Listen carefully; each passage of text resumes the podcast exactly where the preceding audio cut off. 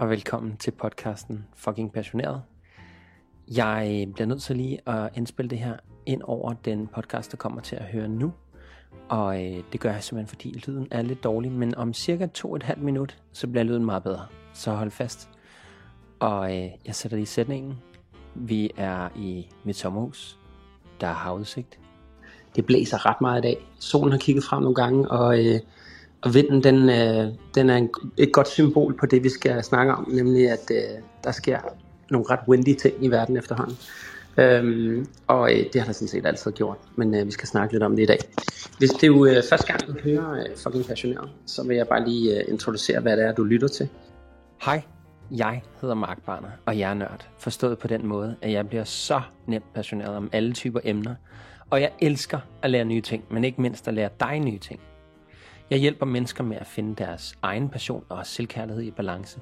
Jeg er samtidig selvstændig iværksætter, IT's teknisk specialist, multimediedesigner og uddannet klaverjant.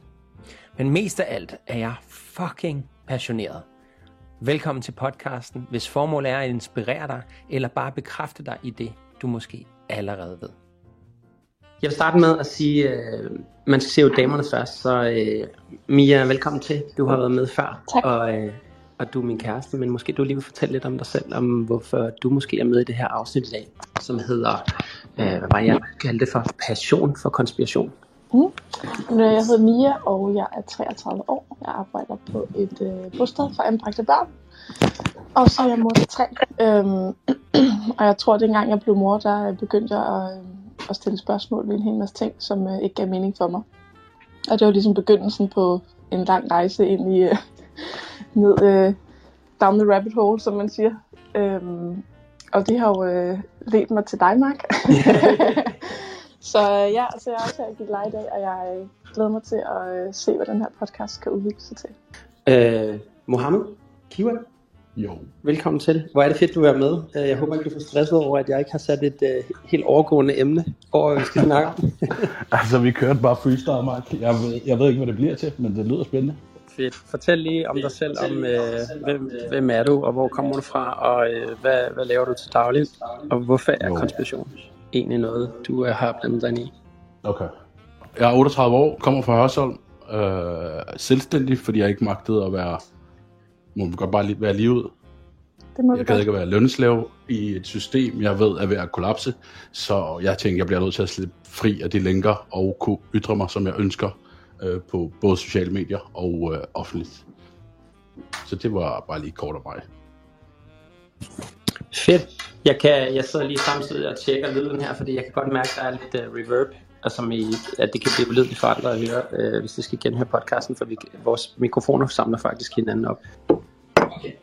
Tænk, jeg sagde, at jeg var 38 år. Og det tager vi om. Det tager vi nok. Det er en god alder. Du sagde også, du var gammel. Det, det kan jeg ikke rigtig få til at hænge sammen. Du skal bare vide, jeg danser stadig i bilen, når jeg kører hjem fra arbejde.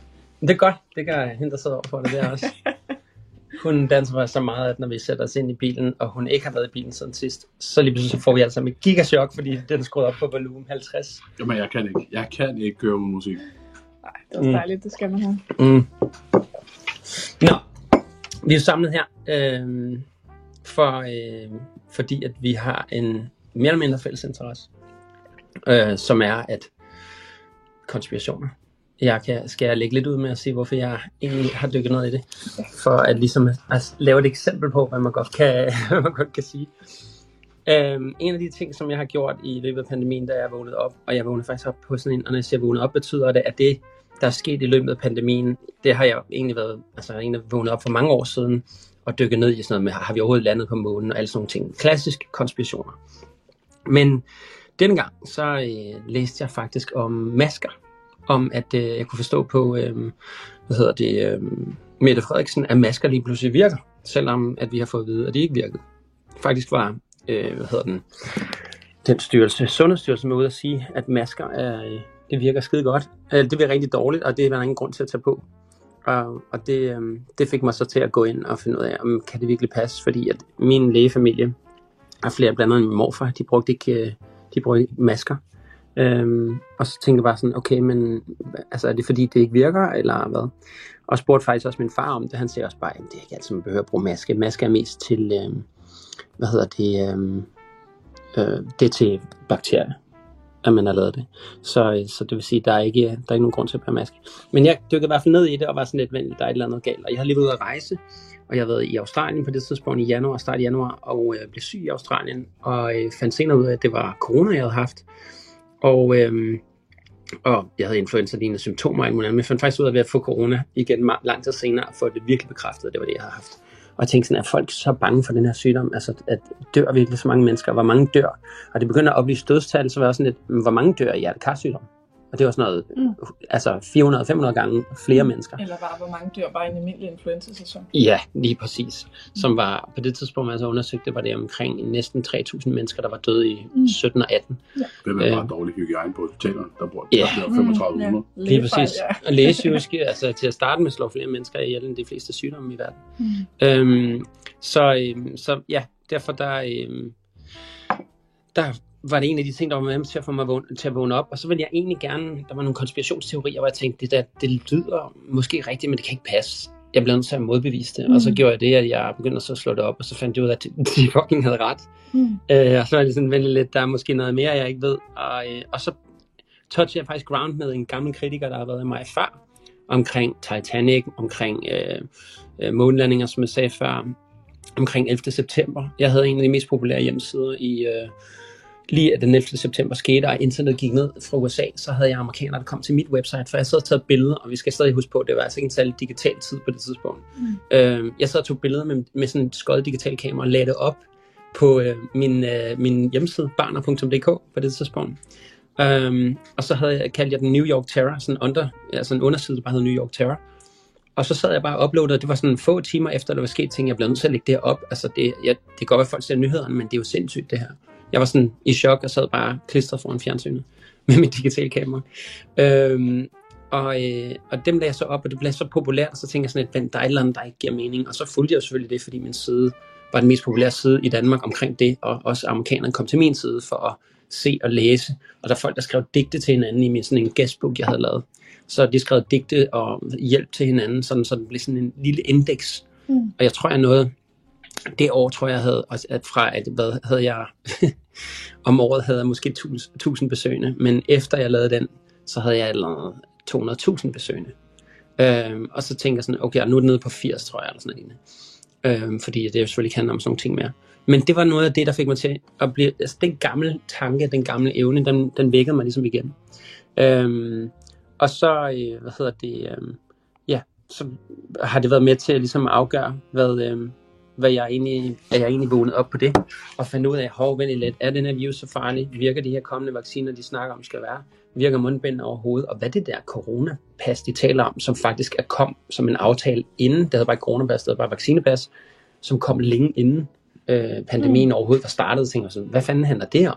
Altså, vi har været vant til det influenza, vi har tre forskellige vacciner for influenza. Så det var noget af det, der fik mig til at vågne op og begynde at dykke ned i konspirationsteorier. Og så kan vi tale noget om mod i at gå ud og tale, og, og, øh, og vågne op til det, og hvad kan man sige, øh, ture og tale højt om de her ting, fordi man bliver jo labet, ligesom jeg også har skrevet, passion for konspiration. Og det er jo ikke, altså meget det vi, altså os tre i hvert fald er kendskab til, meget af det vi taler om, er jo ikke nødvendigvis konspirationer. Det er faktisk også, som jeg har skrevet i teksten til den her. Øh, jeg skal se, hvad jeg har skrevet om dig, Mo, faktisk. Øh, skal se, jeg tror, har du skrevet noget om Ja, jeg skrev faktisk noget om det. At du havde fundet ud af, en, gennem en masse data og en masse research, har du fundet ud af, at det, du troede før var fup, måske i virkeligheden var fakta. Det er fakta. Altså, ja.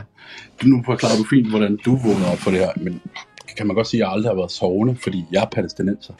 Og politik og politikere og embedsfolk, de har jo aldrig gavnet mennesker til noget som helst.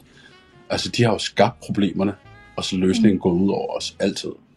Så at man bare falder for, hvad myndighederne siger gang på gang, øh, det undrer mig stadigvæk. Mm. Mm. Du har haft naturlig skepsis. Naturlig skepsis, ja. Mm. Altså det er ikke sådan, at jeg er en rebel. Jeg passer, mig, altså passer fint ind i samfundet, synes jeg selv.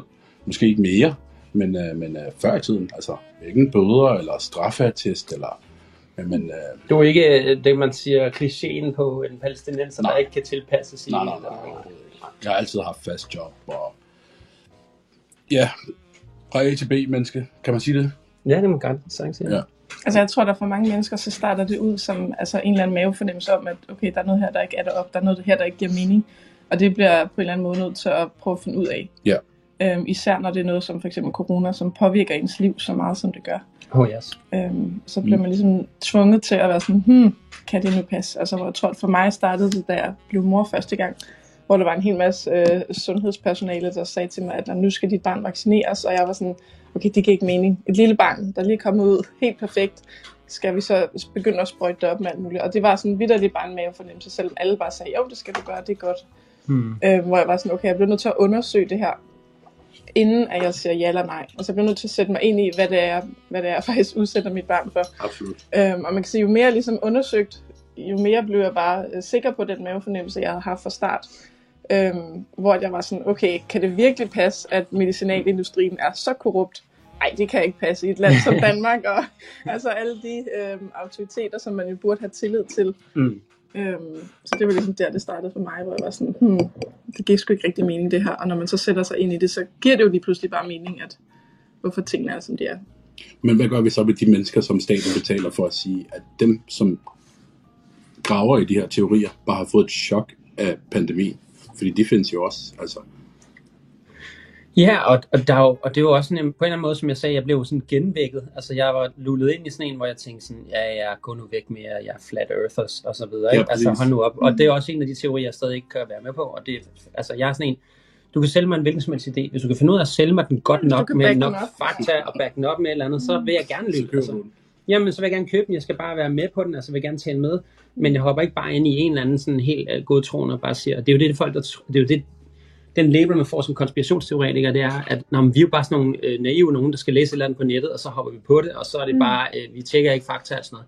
Vi tjekker jo langt mere fakta end Mm. den almindelige borger. Når jeg, Ja. når jeg snakker med folk om, omkring, hvem der har, altså, hvis de siger et eller andet, og siger sådan, men hvor har du hørt det hen? Fordi jeg har hørt fuldstændig modsat, eller læst det, øh, i en, en forskningsrapport omkring det her, hvor de har sat noget data op, og det her passer ikke det, du siger omkring sundhed. Og det var sådan, Nå, men det har jeg fået at vide nede i mit fitnesscenter. Okay, selvfølgelig mere på pålidelig kilde end bare nede i, på bodegaen. Men altså, det, det er stadigvæk, øh, hvem må du få det at vide af? Hvem, hvilken, altså, hvor kommer de fra? Og så er blevet angrebet selv meget af det her. Hvor har, har du, er du uddannet i det? Er du der uddannet læge? Jamen, igen, det vil komme ind på, men læger er uddannet i rigtig meget, og de har gået rigtig mange år i skole, de kan være super Uddannet i dygtige. at symptombehandle. Ja. Og, og på et lægestudie, så ved man, at, at man får blandet af vacciner, der ved man cirka, man får cirka 1-2 timers undervisning i vacciner på det helt, hvad er de 7-8-årige lægestudie, ikke? Så, så hvis jeg havde siddet og læst på, om vacciner og deres påvirkning af immunforsvaret og alt muligt andet i et halvandet år, burde jeg så ikke vide lidt mere end bare lige på det område i hvert fald.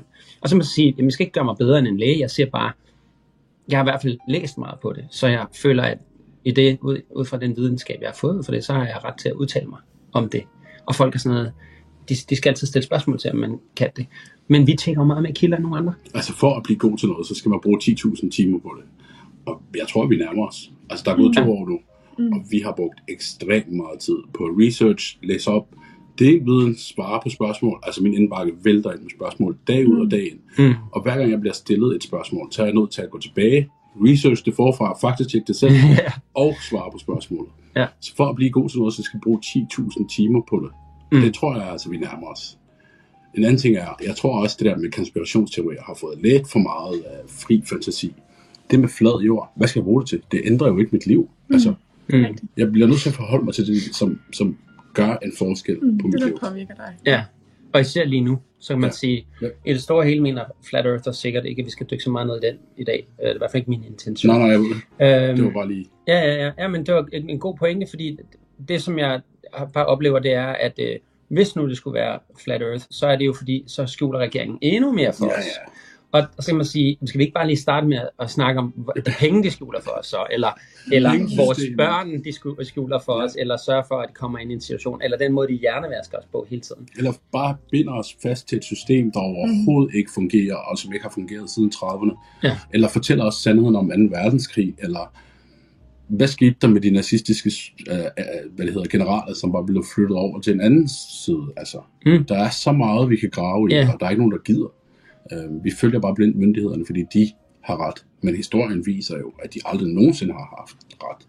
Så kan man egentlig drage en parallel mellem os alle sammen. Det er, at vi alle tre er klar over, at øh, grund til, at nogle folk vil kalde os konspirationsteoretikere, men det i virkeligheden, vi har gjort, det er, at vi stoppede med at se fjernsyn. Fuldstændig. Mm. Og så laver vi vores egen research, hver gang der er noget, øh, vi synes, der er interessant, spændende, eller noget, der strider over vores rettigheder, eller menneskerettigheder, eller mm.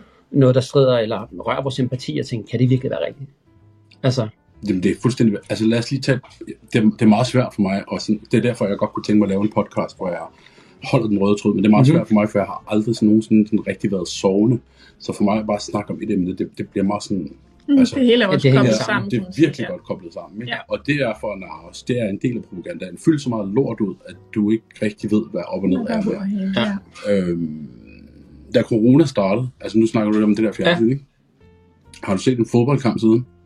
Det er blevet så politisk alting, så altså, det er jo ikke til at holde ud og se på mere. Jeg så ekstremt meget sport før. Jeg kan ikke mere. For først så skal de lige ned på knæ, og øh, Black Lives Matter, så har trænerne masker på, tilskuerne har ikke masker på, men det er sådan signalværdien i det. Mm. Øhm, ja, det er en religion. det, det er så underligt. Og så nu er det med Ukraine-flag over det hele, og mm. Hvad er det? Er det, er det sport, eller er det politik? Fordi Ja. I gjorde det jo ikke før, da I angreb Irak på en løgn, mm. og alle ved, det er en løgn. Ja. Så, så hvad er det, der foregår? Ja, hvor alle de øh, soldater, eller generaler, eller øh, ansvarlige for Irak-krigen, som- hvor, hvor sidder de i spillet? Nej. Nej.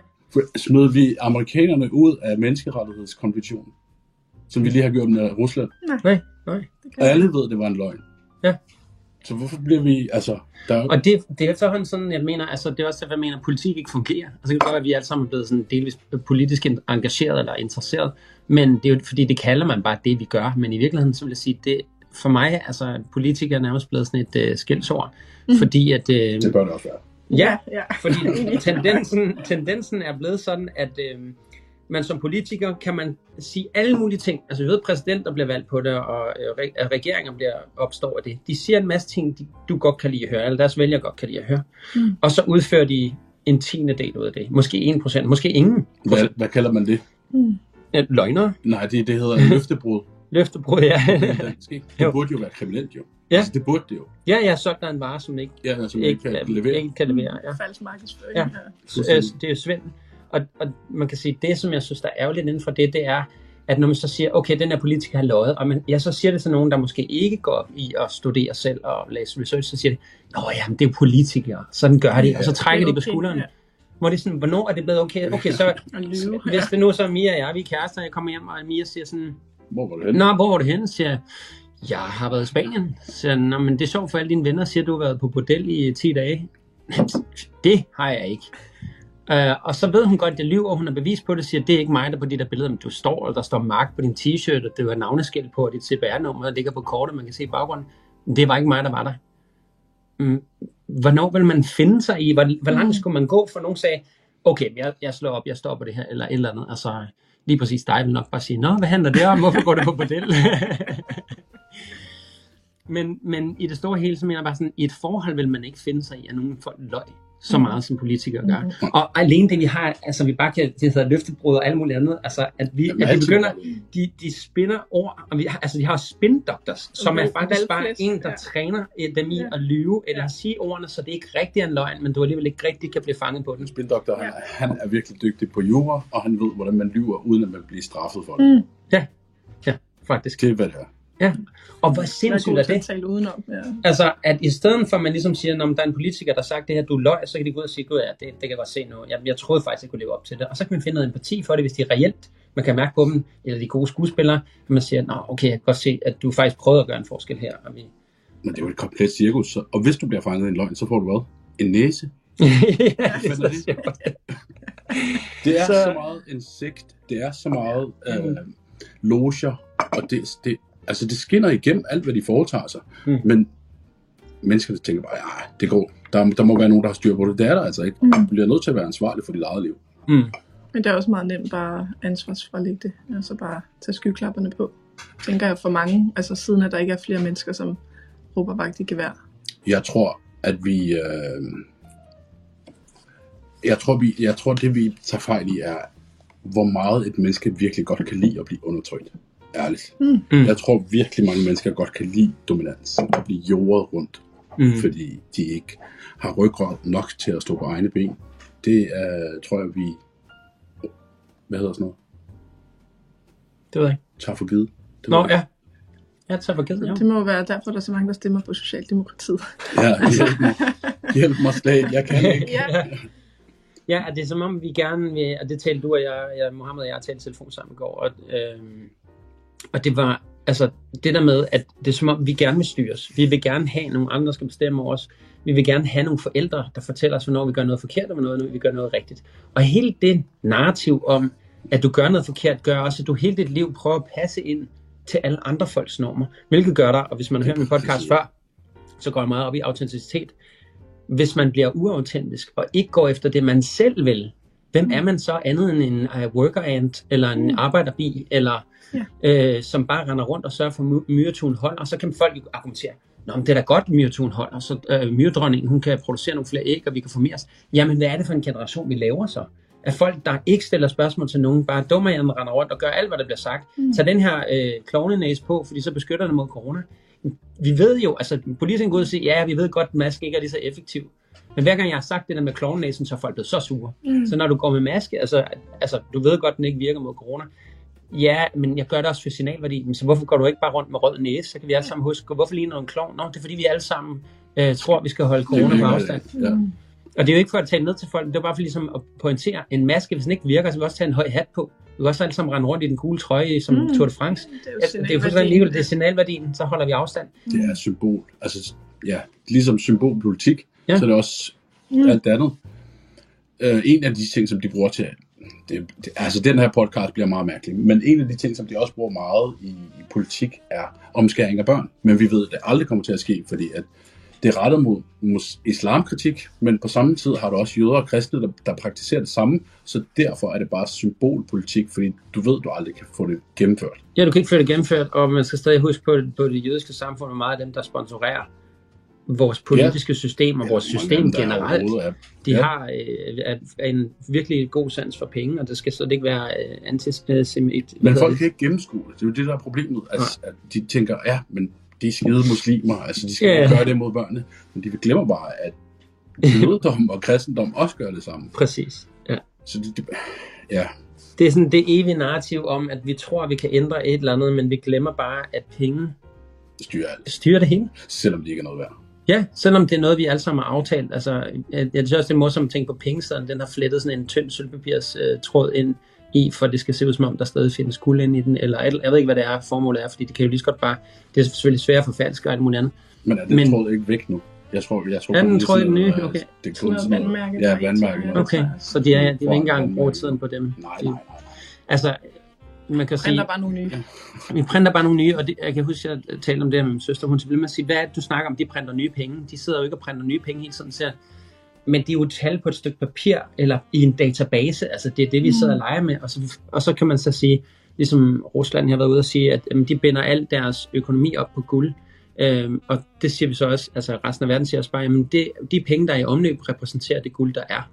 Jamen det er jo bare de jer, der, altså bankerne, der styrer verden, som definerer, hvad det er. Og så kan man sige, bankerne styrer verden, men, men, men vi tror, at vi bare kan være en almen kunde i en bank, og at bankerne er bare sådan en, en virksomhed, der tjener penge på, når vi tjener lidt penge. Men nej, de har, de har alle vores penge. De kan gå ud og bruge alle vores penge i et lån. Bare skrive, altså nu prøver jeg lige at forklare det helt forenklet, men de kan skrive ned, jeg skylder øh, alle mennesker i hele verden øh, 80 milliarder. Og så kan du ud og købe et eller andet for 80 milliarder. Og kommer der en af de små, der gerne vil have nogle af deres penge igen, så låner I bare nogle andre mennesker og giver de penge til dem. Altså det er jo bare sådan et system, hvor man flytter nogle tal rundt på forskellige Mm. konti. Øhm, Et system, hvor du flytter tal rundt i en konti, men gælden vokser, fordi Ja. at det er forbundet til nogle renter. Mm. Mm. Og de renter skal du betale, og dine børn skal betale. Så de skal bare løbe hurtigere og hurtigere og hurtigere. hmm, Altså i 60'erne og 70'erne kunne en mand producere... Nej. I 60'erne og 70'erne producerede 10 mand, hvad en mand kan gøre i dag på 8 timer, og alligevel løber vi hurtigere, end de gør. Ja. Mm. Ja. Altså, det er jo ikke, fordi tingene bliver dyre, det er, fordi pengene bliver mindre værd. som man så kalder inflation. Og det er jo det, som... Det er, Det er Ruslands skyld.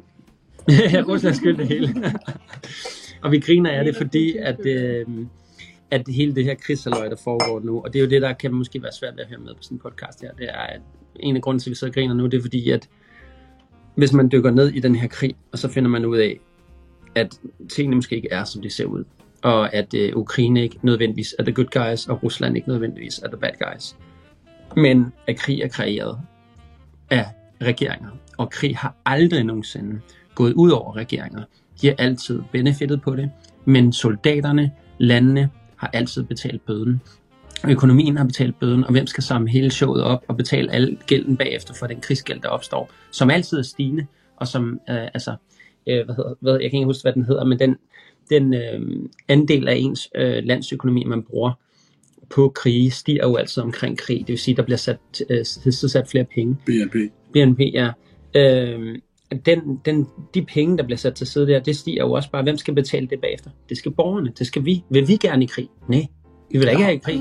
Vi synes, at fred er mega nice. Altså, vi, vi synes faktisk, at hele det her coronaræs har været lidt af en krig. Altså, øh, men, men nu er så coronaræset mere eller mindre færdigt, og alligevel ikke, fordi de går og flytter med nogle nye vacciner, fire, fire vaccinen og en ny variant, og alle mulige andre, de finder på. Øhm, og det er også muligt, der findes en variant, og det er også muligt, at de en dag finder en vaccine, der virker mod corona, men bare konstaterer lige nu, som vi har talt om siden starten, skal lige siges, at de vacciner, der er, ikke har haft en, en virkning på at kunne stoppe smittespredningen, som vores statsminister og ministre i hele verden er ved at snakke om.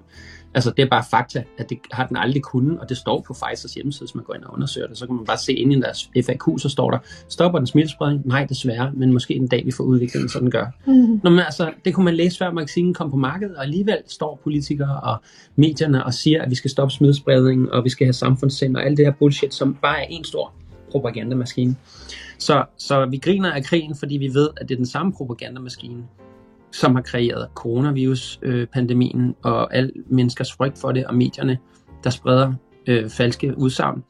Øhm, og hvem er medierne styret af? Det er de jo af regeringerne og af bankerne. Og jeg skal man sige, det er det fordi bankdirektøren ringer op og siger, nu skal du sige det her på tv. Nej, de har selvfølgelig nogle folk til at administrere alle de her ting. Og så man sige, vi kommer også til at tale om, om eliten, måske ikke kun nu, men også bare generelt.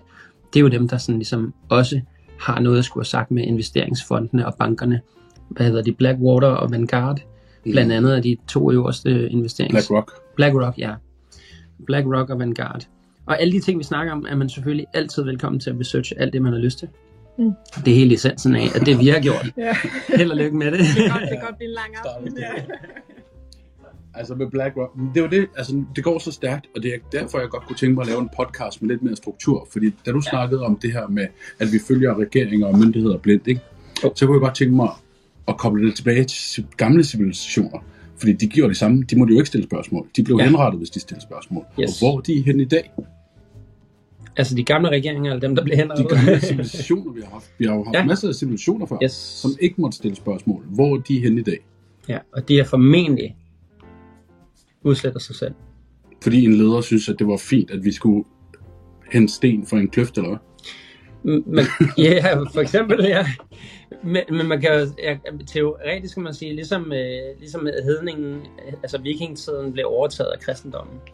På samme måde kan man udslette en civilisation. Men man skriver heldigvis, at det ikke så lang, mange år siden, at vi ikke har noget viden om, at der var en vikingtid, og vi ikke har, vi har stadig fund fra vikingtiden, og vi har ja. heldigvis også i, hvad er det, i, i, uh, i Danmark, nej, hvad er det, hvor er det, man har fundet verdens ældste fund? Jeg kan ikke engang huske, hvor det er.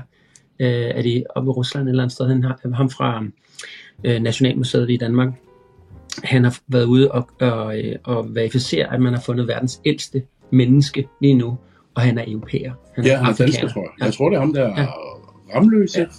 Ja, ja, ja, han hedder Ram, Ram, ja, ham direktøren, han har et sjovt navn. Jeg kan ikke huske, hvad han hedder. Nej, det er med det, ja. ja. Det minder mig om et eller andet navn for krummerne, eller sådan et eller andet, øh, han har sådan en navn. Rambo, nej. Jeg kan ikke huske men han, han, det er en dansker. Ja, han var nemlig ude, og han lavede en, en, en lille dokumentar om det her, og selvfølgelig super stolt over, at de første europæere, vi lige nu ved, er ikke afrikanere. Vi troede jo, det var indtil videre, vi tænkte, at det er afrikanere, der vandrede op, og så kom til Europa. Men det ser mere ud som om, at det er folk, der kom fra Europa og gik ned til Afrika. Altså, den historie har sat mig meget ind i. Og der, der, der er tydeligt nogen, der også prøver at manipulere med den fortælling. Mm. Nu, nu det, det sjove ved det her er, Mark, at vi to er meget forskellige. Du er meget spirituel. Jeg, jeg forholder mig meget til religion, fordi ja. jeg tror, unægteligt på, at Gud findes. Øhm, og der er, det er som om, at det narrativ også med de gamle civilisationer bliver faret væk, fordi at det bekræfter, at der findes en Gud. Giver det mening? At det bekræfter hvad? At det bekræfter, at der findes en Gud. At der har været nogle begivenheder, som har udstillet menneskeligheden, fordi at der er sket noget. Men den fortælling må vi ikke vide. Øhm, eksempelvis er der pyramider i Thailand, som er 25.000 25 år gamle, men de vil have, at vi skal tro, at pyramiderne er 4.000 år gamle. Ja. Det, det, der er noget, der ikke stemmer overens igennem hele vores historie. Mm. Og så kan man undre sig over, hvorfor. Og så kan man sige, hvad sker der i Bibelen? Hvad fortæller Bibelen? Hvad fortæller Koranen? Den fortæller, at der har været nogle bibelske begivenheder, som har udslettet menneskeligheden. Øhm, så ja, der er så mange spørgsmål, man kan stille, og man kan bare grave der, hvor man har lyst. Altså. Ja, og det er jo så det, og, det, og du og jeg, vi snakker netop om at lave en podcast, som indebar mm. de her ting her.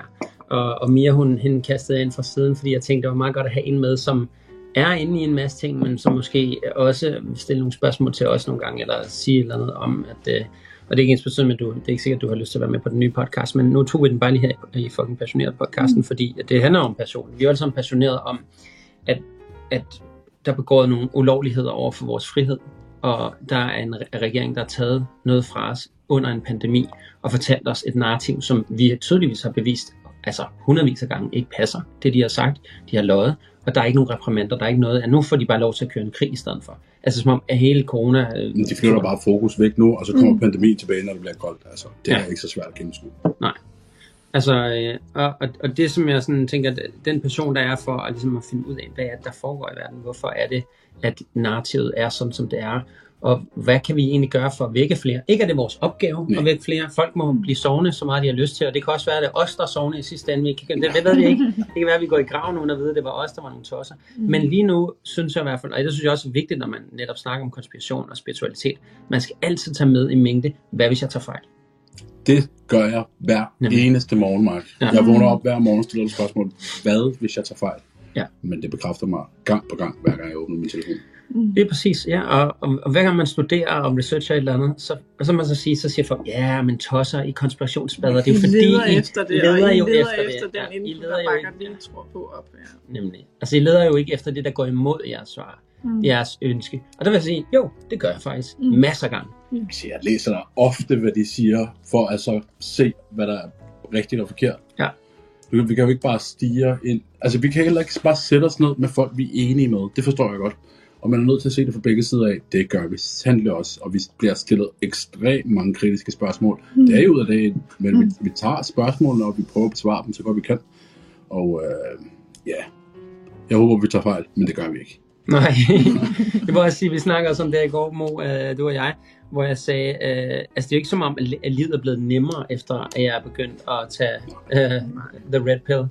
Øhm, så, øh, og nu kan jeg ikke huske Matrix, om det er The Red Pill, der er... er det er The Red Pill. Det er, det er The Red Pill, ikke? Øhm, det er jo derfor, der er så mange profiler, der hedder noget med det på Insta. Yeah. Men, øhm, men det er jo ikke, fordi livet er blevet nemmere, efter at have fundet ud af, hvor mange konspirationer er sandhed. Altså, og så kan man sige, i, vi bliver nødt til at, ligesom at lave en, en, en, en fundamental fakta, som er i verden, at alle dem, der siger, at vi ved noget, så ved vi ingenting. Og det samme gælder os, det samme gælder mm. forskerne, det samme gælder lægerne, det samme gælder ministre og folk, der er veluddannede. Vi ved ingenting. Men det vi ved er, at det vi indtil videre har fundet ud af, læner vi os op af, indtil vi så har på en eller anden måde været modstridende. Ja. ja, så vi tager helt sådan udgangspunkt i, vi, vi kan, altså, man kan altid argumentere, i sidste ende ved vi ikke en skid. Altså, det, det er det, vi, vi kan være helt sikre på. Jeg, jeg brugte eksemplet i går med syfilis. Øh, I gamle dage, så brugte lægerne øh, de samme læger, der også anbefalede os at ryge, fordi det var godt for vores øh, system, øh, som de i dag nu øh, ikke anbefaler at fraråder, at man ryger, fordi det er øh, dræbende og skadeligt og andet. Men, men der sagde jeg, til, øh, sagde jeg til dig i går, at det interessante var, at man brugte øh, kviksøl til at behandle mod syfilis. Så det er jo klart, dengang så tænkte man, se det virker, men hele kroppen har jo været i gang med at afgifte for kviksøl, så din syfilis, den blev ikke værre. Den, altså, din krop var jo så smadret i forvejen af, af det kviksøl, du går og spiser, så selvfølgelig. Og vores, øh, hvad hedder hun hende der, mit Afrika, øh, kære forfatter, øh, hvad hedder hun, Karen Bliksen, havde jo syfilis øh, hele livet, men grunden til, at hun så så mærkeligt ud og mistede sit hår og alt muligt andet, det var fordi hun var kviksøl jo. Altså det fik hun jo at vide, hun skulle tage for sin læge. Hun fik det af, hvis nok sin mand eller noget andet i Afrika. Øhm, og, og levede jo så faktisk med syfilis resten af sit liv, så man sige, det må være et elendigt liv, for det skulle have været så smertefuldt at have kvik- kviksølvsforgiftning. Øh, I gamle dage, så mente man også, at det var sjovt at have det med, at altid havde et kortere liv, fordi de arbejdede med kviksølv. Altså, det, og det var læger, der anbefalede det her dengang. Og det er læger, folk lytter til i dag og siger, ja, men i dag er vi blevet så meget klogere. Ja, og dog. Vi har lige alle sammen rendt rundt med, eller nogen, de fleste mennesker har rendt rundt med maske i en hel pandemi, Mm. til trods for, at vi godt ved, at det ikke virker, og alligevel jamen, så siger folk, jamen det gør de jo også på hospitalerne. Ja, og det er det, der er Der er så fucking underligt. Nå, men nej, nej, nej, nej, der er slet ikke noget hold i det der masker. Masker bliver brugt på et hospital, fordi det er et sterilt miljø for fanden. Det, har, det er det jo ikke udenfor. Altså, du render rundt og ryger og har rygerlunger og putter masken i lommen, og Ja, ja. pusser, nogen pusser sågar en næse i masken. Ja, hvis man er ikke på længe nok, så er det Ja. ligesom at pusse næse i den også, ikke? Altså, men, men, men vi har altid vidst, og lægeverdenen har vidst det i mange, mange, mange år, at den ikke stopper virus. ja, absolut.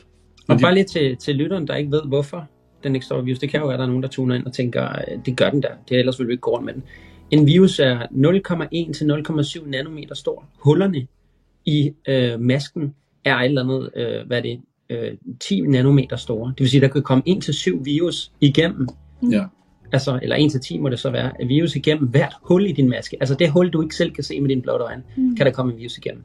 Plus, at når man ser, når hvis man lavede det her forsøg til vinter, så øh, kan man tage en varm indånding, tage en maske på, puste ud, filme sig selv i slow motion, så kan man se i lys, at al ens ånde kommer ud over, op omkring næsen, ud bag nakken, op bag hovedet. Altså, det, det er, Det er et cirkus idiotisk altså, at tro, at den skal øh, øh, stoppe noget som helst. først Men det er den også, altså, jeg har også læst til sygeplejerske, og hvis man ser en virolog, som skal ind til en patient, der har en dødelig virus, hvis du ser, hvad de har på der, så vil man jo grine af et mundbind. Ja, ja, ja. Det er jo altså full body armor, altså. Ja, det er en rumdragt. Jeg har set Ja, det er virkelig en rumdragt, hvor man tænker, okay, jeg tror sgu det der.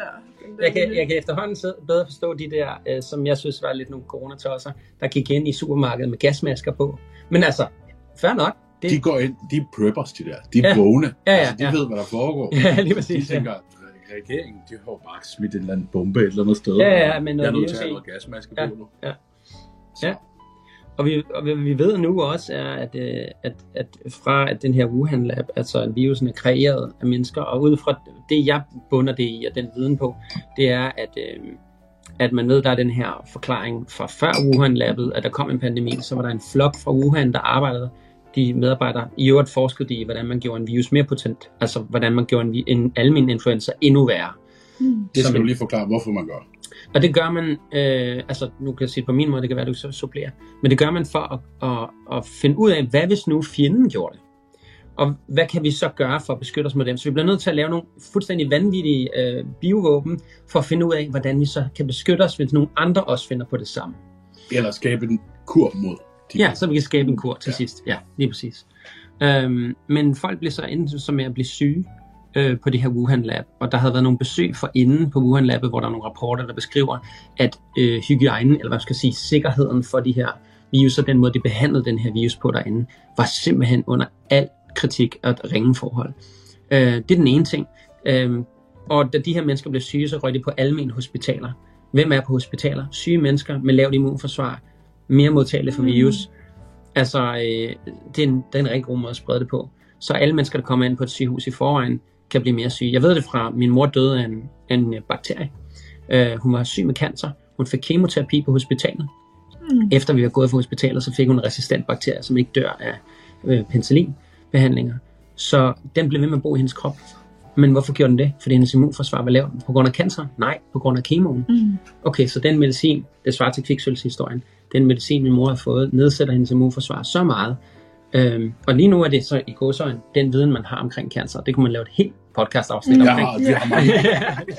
Men for at give dem noget, de kan faktatjekke, så kan Ja. ja. så, altså i New York for eksempel, der var der en, en guvernør, der hedder Andrew Cuomo, som i stedet for bruge de telte, og det skib, som sejlede ind, og alle sad og så på fjernsynet, blev sejlet ind i New Yorks havn som hospital for coronasmittet, så tog han de coronasmittede og smidt ind på plejehjemmene for at, altså for at gøre dødstallene stig. Det er fuldstændig vanvittigt. Det kan du faktatjekke.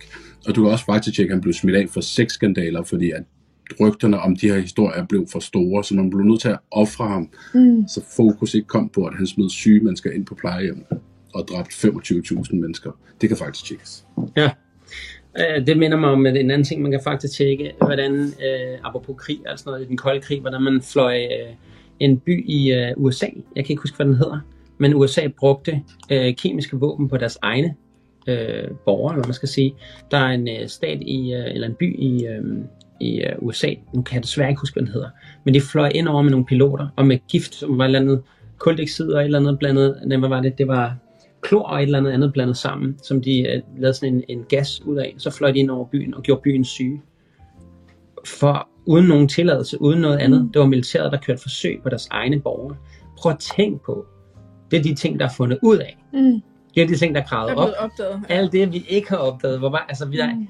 meget muligt, nogle af de skavanker, vi sidder i nu, kan være forårsaget af noget ved vores grundvand, der er blevet forgiftet. Det ved vi fra det er Venstre, der får skylden for dengang, de, øh, de tillod øh, pesticider i vores vand. Men vi ved, der allerede lige nu, i, øh, altså de fleste steder i Danmark, er forurenet vand højere, end der må være. Flere pesticider i, Mm. øhm, end der må være. Altså, øh, de her ting, det, det er jo ikke som om, vi går rundt og renser vandet, og det siger jeg, nu jeg vi. Jeg gør faktisk, jeg har også sådan en vandrenser. Øhm, og, øh, og det er jo sådan noget, man kan gøre selv. Men man, det der med at stole på, at regeringen har styr på det, altså det snakkede vi også om i går. At have tilliden til, at det er der Jamen- nok nogen, der går ud og fikser det. Jeg vil prøve at finde mig et sted i historien, hvor det bekræfter, at regeringer har ret. Eller at det er i trygge hænder altid. Ja, at det har formår øh, altid at forholde altså troværdigt. Ja.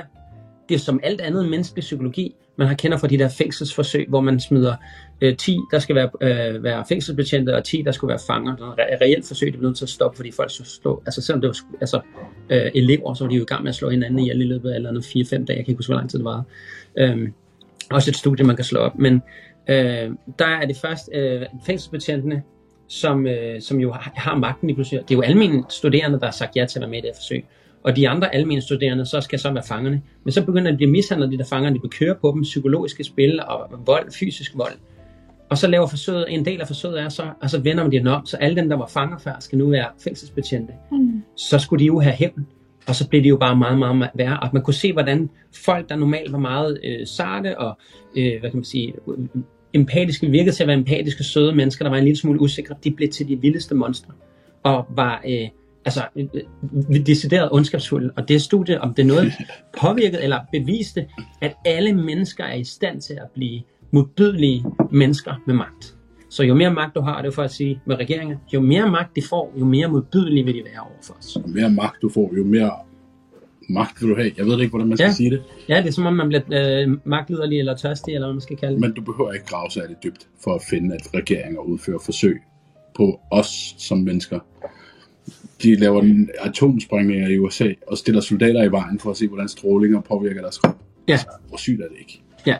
Eller når man skal sende astronauter til, til, ud i rummet for første gang, Mm. så laver russerne nogle, nogle forsøg på, hvor lang tid kan de her mennesker holde sig vågne uden at sove. Det er endt helt galt, det forsøg. Det snakker vi om på et andet tidspunkt. Ja, Men det er altså, de, de laver det gang på gang, og der, er- de tænker, ja ja, men de har styr på det jo. Ja. Nej. nej, det har den ikke. Og der var også det der forsøg med russerne lavede med at lave børnefabrik, eller børne, hvad hedder det, soldater, hvor at øh, børnene så bare ikke fik nærhed fra deres forældre, så de blev bare født, og, og så blev de ligesom lagt ind i en kuvøse. Som dræbermaskiner. Og så, Mm. ja, så skulle de så vokse op til at blive dræbermaskiner, men ved at du ikke har menneskelig kontakt, så var der masser af børnene, der bare døde. Altså ved manglende menneskelig kontakt. Ja. De fik Mm. føde, og de fik, øh, de Ja. kunne trække vejret, de fik vand og alle sådan nogle ting, men de døde ved menneskelig kontakt. Så kan man sige, det talte vi om i går også, Mo. Øh, vi havde en lille telefonsamtale, der alligevel løb op, som netop alle de ting, vi snakker om nu. Og det var også det, podcasten skulle handle om. Men det var netop det der med, at, at der foregår så mange forsøg derude, og der er så mange ting, vi ikke endnu har forstået. Men det er det mindste, kan man sige, kan jeg vide, hvorfor babyer dør, når de ikke får nærhed. Det må være en, altså vi må nærmest sige, thank God for, at der er en indbygget kontakt i, at hvis der er nogle mennesker, der er så dårligt empatisk, eller så elendige forældre, de ikke tager sig af deres børn, andet end bare give dem mad og føde, så dør de. Nå, jamen, systemet er jo sat op til, at vi skal gøre det på den her måde.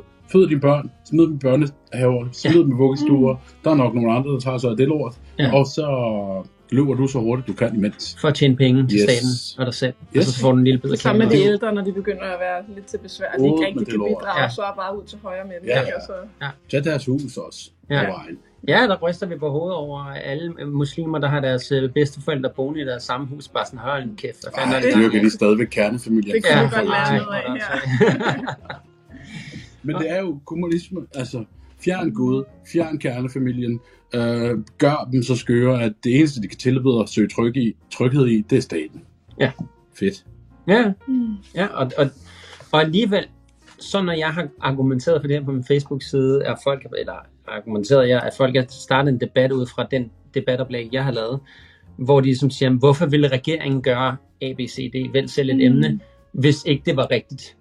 Og bare sådan, jeg ved godt, du er vokset op i trygge Danmark, og altså tror, Mm. at alting bare er sådan, som det ser ud. Men tingene er sgu meget mere kompliceret end det. Det er også fordi, vi er så autoritetstro. Altså, ja. har I ikke også set det der forsøg, hvor man tager nogle mennesker ind, og så er der ligesom et forhæng eller en plade eller et andet, sidder der en person på den anden side, og så får de at vide, de her testpersoner, at du skal give ham her stød. Mm. Det er en behandling, han ja. skal have. Og han forstod om, at det er selvfølgelig en skuespiller, der sidder på den anden side. Og Og, hvor han sidder de jo til sidst og skriger, og stop, stop, og Ja. sådan noget. Det lyder som om, han ryger ned på gulvet og sådan noget. Og de bliver alligevel ved. Altså, de bliver ved og ved og ved Fordi med de at- lytter til dem, der Ja, fordi Ja, ja, ja. der er en læge, der sidder i en hvid kittel og siger, jo, bare giv ham en stød mere, ikke? Ja, ja. Og folk gør det. Altså, det starter sådan fra 10 watt til, hvad er det, Ja. 300 watt eller Ja. sådan noget. Hvor Ja. man tænker, okay, folk tager bare al deres empati og sunde fornuft og bare lægger den ud til højre, fordi der er Ja. en, en person, der står i en hvid kittel. Ja, og det, Det er jo det, det leder mig til noget, som... Skræmmende og Ja. tankevækkende. Og, Ja, men det er alle de der forsøg, vi skal, altså. altså alle de her ting kunne jeg jo virkelig godt, kunne vi virkelig godt tænke os at Ja. kortlægge. Ja. Også helt tilbage til gamle civilisationer. Altså det er så, det, målet er jo egentlig bare at give folk passion til livet tilbage. Nysgerrigheden og ja, ansvar. Ja, fordi som du og jeg snakker om, hvad kan vi bruge de her konspirationsteorier til? Fordi så bliver vi jo bare nogen, der ligesom spreder frygtpropaganda, ligesom medierne gør konstant. Øhm, og overgør tingene til at være meget værre. Altså jeg har da også, når jeg deler nogle historier, nogle, øh, noget, noget viden i gang, hvor jeg tænker sådan, gud, jeg får helt ondt i maven over at dele det her, men jeg synes, folk skal vide det. Jeg vil gerne have, folk øh, føler og kan mærke ind på, hvad det, hvad det måske kunne hjælpe med at, at se verden på en lidt anden måde, end, end hvad medierne viser os. Og der er det sådan lidt, at, øh, at formålet med at lave en podcast, ud over den her fucking passioneret, som jo lige nu handler bare om at være passioneret, men så lave en siddet podcast med dig, og, og hvem vi ellers vil have med i studiet, og hvis Mia vil være med i nogle afsnit. Øh, men at vi vil tale noget mere ind i det der med, altså vi kan jo fortælle om alle de her frygtelige ting, der sker i verden, Yes. men formålet med det er ligesom at sige, så hvad kan du gøre for at vågne op, få den her viden, stille dig en bedre situation, ligesom den her øh, kommende finanskrise, der kommer til at være. Øh, og det, det kan man sige, det postede du også om i dag, hvordan kan jeg som lægmand øh, for- forudsige, og det gjorde Mm. du, du tog en post på din Instagram i dag, øh, Ja, ja, ja, hvor du skrev, hvordan kan jeg øh, fra 2001, øh, 21, øh, kan, kan jeg udtale mig om noget, der først er ved at ske nu. Altså alle mennesker kan finde ud af det her, alle mennesker kan finde den her viden, og, og faktisk er regeringen rigtig dårlig til at holde på deres hemmelighed, for de går faktisk mange gange ud og siger det, der kommer til at ske, og så kommer de til at lade som om det er en talefejl eller noget andet, men mange gange så ender det faktisk med være det, der sker. Men formålet med at ende med, at ikke bare at fortælle uh, sensationshistorier, det er at sige, hvordan kan du så komme ud over din frygt? Hvordan kan du blive mere oplyst øh, omkring de her konspirationsteorier, og hvordan kan du finde ud af, altså du skal stadig huske, en konspirationsteori er stadig kun en konspirationsteori, indtil at der er nok mennesker, der tror på den. Mm. Fordi corona kunne lige så godt være en konspirationsteori. Vi har så mange gange blevet ramt af en, en virus, øh, H1, øh, N1 eller H, hvad den Mm. hedder, ja. svineinfluenzaen, Ja, øh, hvor de sagde, I skal tage de her vacciner, det er sindssygt, og Sverige gik i gang med det samme. Mm. Det er Hvilket derfor, de resulterer af de her 10.000 mennesker, der øh, lider af narkolepsi i dag, som staten skal betale til. Og Yes. hvem er staten? Det er selvfølgelig de almindeligt Mm. betalende Mm. øh, borgere. Og det var netop derfor, de håndterede coronakrisen anderledes, fordi de har begået fejl før, og de tænker, vi venter lige til. Ja, vi venter lige. Vi fuckede Mm. op sidste gang. Hey, der var nogen, en regering, der lærte af sin fejl. Hold op, det kunne være, man skulle flytte til Sverige. Ja, men de skal udskammes, for det går jo ikke. Men Nej, der er nej. masser af andre steder, der også har Ja. gjort det samme. Altså Florida viser fordi der er mange, der siger, jamen det er jo på grund af klimaet. Okay, men så har du Sverige, du har Florida, du har Virginia, du har øh, Brasilien, Texas. du har Det også. alle mulige forskellige steder, der har håndteret det anderledes, og det virkede. Så, Ja. Det er det, og så kan man så sige, som jeg plejer at bruge det her eksempel, øh, hvor jeg ser rende rundt ud i dyrehaven, og så går jeg og klapper i hænderne. Og så kommer der en over og siger, hvad fanden laver du? Som jeg holder tigerne væk. Mark for helvede, der er jo, det er jo Danmark, der er jo ikke nogen tiger. Der kan du se, det virker. Så hvad kom først? Er det, er det, at jeg klappede, eller der ikke var nogen tiger i forvejen, men jeg troede klapningen ligesom forårsagede, at der ikke var nogen tiger. Mm. Og det er der, man mener sådan, åh, hvor var det godt, at Danmark håndterede pandemien så flot. Ej, hvor var vi bare gode. Jamen, hvad har vi at sammenligne med, hvis næsten hele verden gjorde nøjagtigt det samme? Det er jo ligesom alle dem, som har fået coronavaccinen, som alligevel får corona, og så siger de, ej, det var også godt, jeg fik vaccinen, fordi så har jeg fået et mildt forløb. Ja, Ja. det skriver alle Altså. statsoverhovederne lige nu jo. Altså, Hillary Clinton er lige ude og skrive Ja. det. Alle de store statsoverhoveder. Mm. Jeg, jeg har fået corona. Heldigvis har jeg taget vaccinen, Ja, jeg er taknemmelig symptomer for er vaccinen. Ja, præcis. Ja, og hvor jeg bare sådan, og, og, de, Ja. og samtidig så nævner det ikke den nye britiske rapport, der kom for, øh, ja, det er snart et halvt år siden, som øh, beskriver, at vaccinen nedsætter, og, og i mange tilfælde nedsætter dit immunforsvar helt op til 50 procent. Så hvorfor bliver det her ikke talt om? Og det er jo fordi, de, så vil vi ikke plante frygt i folk, men for helvede, det er det, I har gjort i Ja, to er år i nyhederne hele tiden. Jamen, Der er alle de her interviewer, det ligger der, og jeg tror bare, folk tænker, at jeg kan ikke indrømme, at jeg tager fejl nu. Mm. Det er for sent. det kan Fordi være Magnus er, ude at, ja, Magnus er ude at sige det. Jeg, jeg tror, det ligger på min Instagram. Et Nå, eller hvad? Ja, Ja. Så, siger han, så, så siger journalisten til ham, hvorfor indrømmede de ikke, at de var, det var lort, de vacciner der? Ja. Han siger, at der var for meget optimisme i befolkningen. Vi kan jo ikke bare fjerne optimismen. Ja. Også. Ja, det er, også, det er også sindssygt at tænke på, at man... At man bare kan sige det så lige ud, og der bare siger, Ja. ja, ja, men jeg tager nummer tre, det er fint med mig. Og folk, Ja. ja. vil, folk vil gøre det igen til efteråret. Ja, ja. Ja, og det er det, hvor jeg mener, sådan, hvor, hvor langt skal vi ud? Fordi folk, der gerne vil tro på vacciner, nu taler vi om vacciner, så tager vi lige lidt den videre. Folk, der gerne vil tro på vaccinerne, kan se, at de får stadig corona.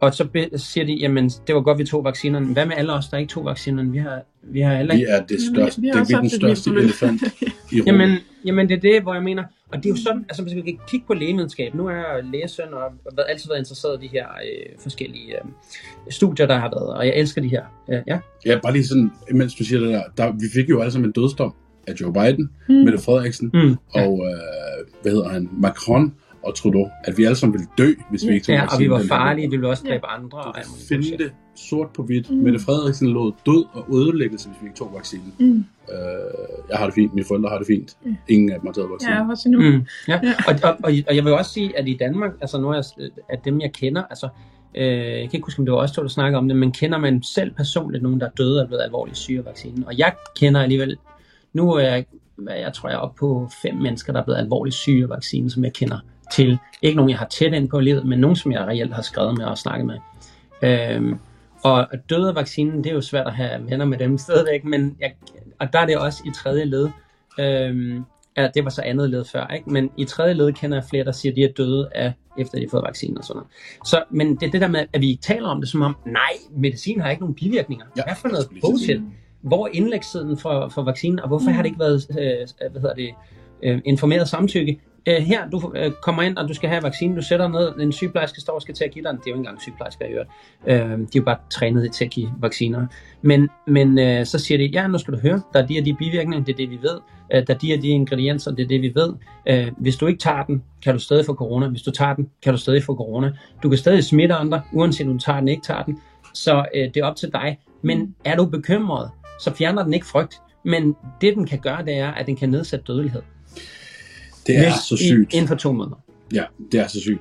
Altså, tror du, kender du også igen? Mm. Han, han er jo den vildeste til det her.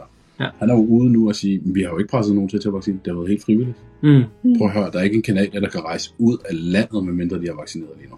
Ja. Så hvordan kan du stå og sige sådan noget? Ja, altså, ja. at vi tvinger jer ikke, men I kan ikke rejse ud. Så Ja. det vil sige, man gisler i sit eget liv, indtil man gør, hvad staten siger. Ja, og det er også, at jeg er mange gange blevet spurgt af, igennem det her øh, stykke tid af folk, sådan, hvad? Jeg har en kammerat, der sagde, det forstår jeg ikke, med de her restriktioner, føler du dig ikke fri, eller hvad? Føler mig fri? Mm. Nej, gå fanden føler jeg mig ikke fri, hvis jeg ikke engang kan gå ind på en café og bestille noget mad, uden jeg bliver spurgt, om jeg skal vise et pas for at komme ind og, og tage en, en, en, øh, en maske på. Men når jeg sætter mig ned, har gået, jeg gået to af. meter ind og sætter mig ned, så må jeg godt tage masken af. Mm. Det, det her er det mest fjollede spil af, af Ja, tossethed, se, jeg har at været med i nogensinde før. Ja. Jeg har haft det mest alternative liv øh, under nedlukningerne. Altså, jeg gik til demonstrationer og fester med Mm. konspirationsfolk, og vi drak af tvivlsomme... Øh, nej, vi spiste af tvivlsomme boder af samme mad, og Mm. der skete ikke en skid, mand. Nej. Jeg mødte så mange mennesker, vi har været i sommerhusture, og jeg har slet ikke været lukket ned på noget tidspunkt. Nej. Ja. Om jeg jeg, har ikke taget noget med hjem, eller... Min, min øh, starten på pandemien var, at jeg kom jo hjem, havde været, haft corona i Australien, men vidste, altså der, lige der var, havde talt Danmark jo ikke om corona, så det var jo, men det gjorde Kina, og jeg rejste sammen med masser af kinesere, da jeg skulle til Australien og rundt der, til Bali bagefter. Øhm, så, så jeg har ikke tænkt over, at det måske havde været corona. Jeg tænkte, det kunne være. Men da jeg havde haft øh, Pekadit, som man blandt andet kan få som en bivirkning til vaccinen, øh, men da jeg havde fået det øh, nogle år for inden, eller et, et år for inden, tror jeg, og jeg havde haft en eller anden plet i min lunge og lider af astma, så var sådan lidt, okay, jeg sagde min onkel, du skal nok om nogen passe på, at du ikke får den her, indtil vi ved, hvordan vi håndterer den. Og så skal du nok være en af de første, der får vaccinen. Og det var derfor, jeg begyndte at researche, hvad er det, bivirkningen er, for jeg fik jo influenza-vaccinen som barn, og blev alvorligt syg af den i tre uger, eller sådan noget lignende.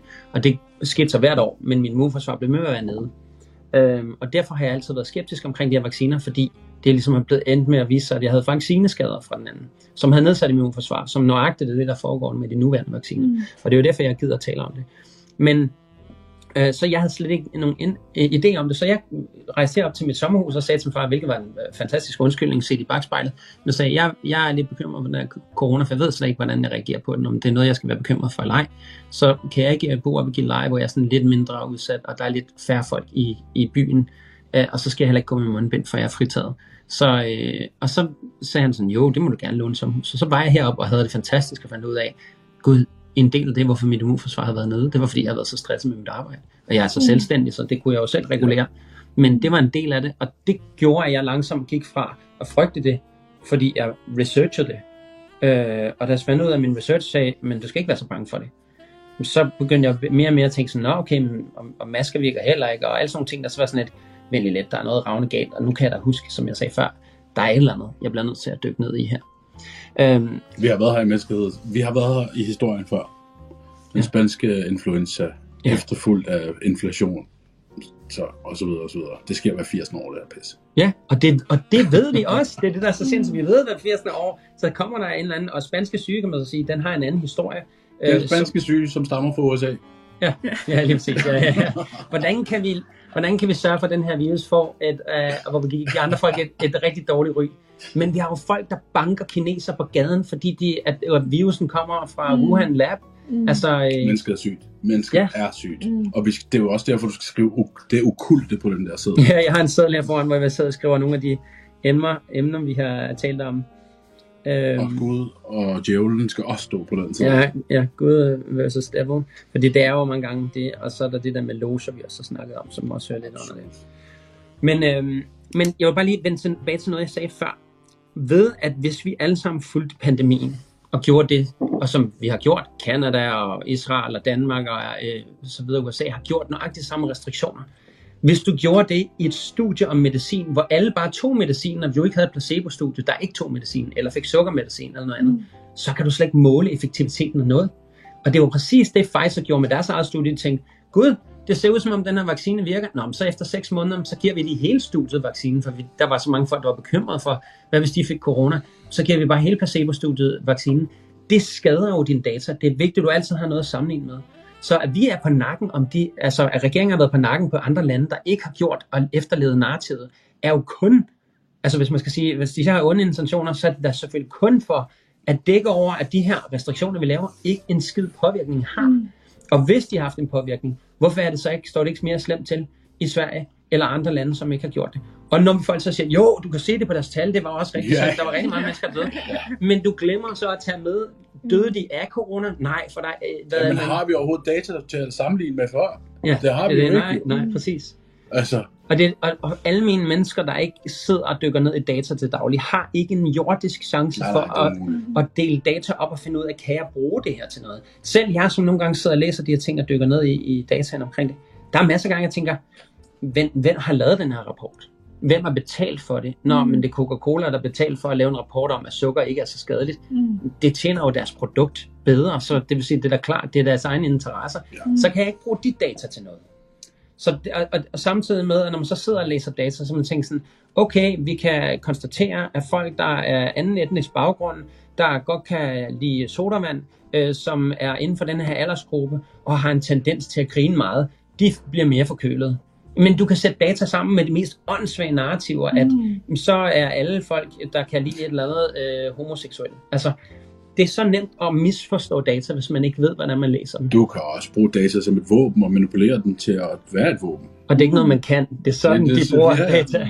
Men altså, det var derfor presset på, at alle skulle vaccineres, var der. Ja. Fordi vi er jo kontrolgruppen. Mm. Hvis vi fjerner kontrolgruppen, så er der jo ikke gået noget galt jo. Så er, det, Nej. så har vi klaret det. Ja, ja, er og hvis folk dør af alle dem, der har fået en eller anden medicin, så er det jo ikke medicinens skyld, Nej, fordi så er det det er der jo- ikke nogen studier, der viser, Ja. for det har du ikke data på. Så fjern kontrolgruppen, og det var det, presset handlede om. Mm. Øhm, på, ja, det er vanvittigt. Man vil aldrig i et, i et hvilken som helst lægestudie, eller medicinalstudie, eller en test af et produkt, fjerne halvdelen af deltagerne og bare sige, Nå, men nu er I alle sammen med i forsøget. Ej, vi, alle jer 75%, 76% vaccineret. Det, vi vaccinerer lige 76% af befolkningen, så bruger vi kun en lille procentdel som, øh, øh, som placebo-studiet eller testgruppen, kontrolgruppen. Det, det vil man aldrig gøre i et studie, fordi det, det, det vil ødelægge dine data. Det vil ødelægge hele dit argument for, at din medicin virker. Ja, men det er jo målet. Men det er det, de har Ja. gjort, og Ja, det er ja. det, der er målet. Ja.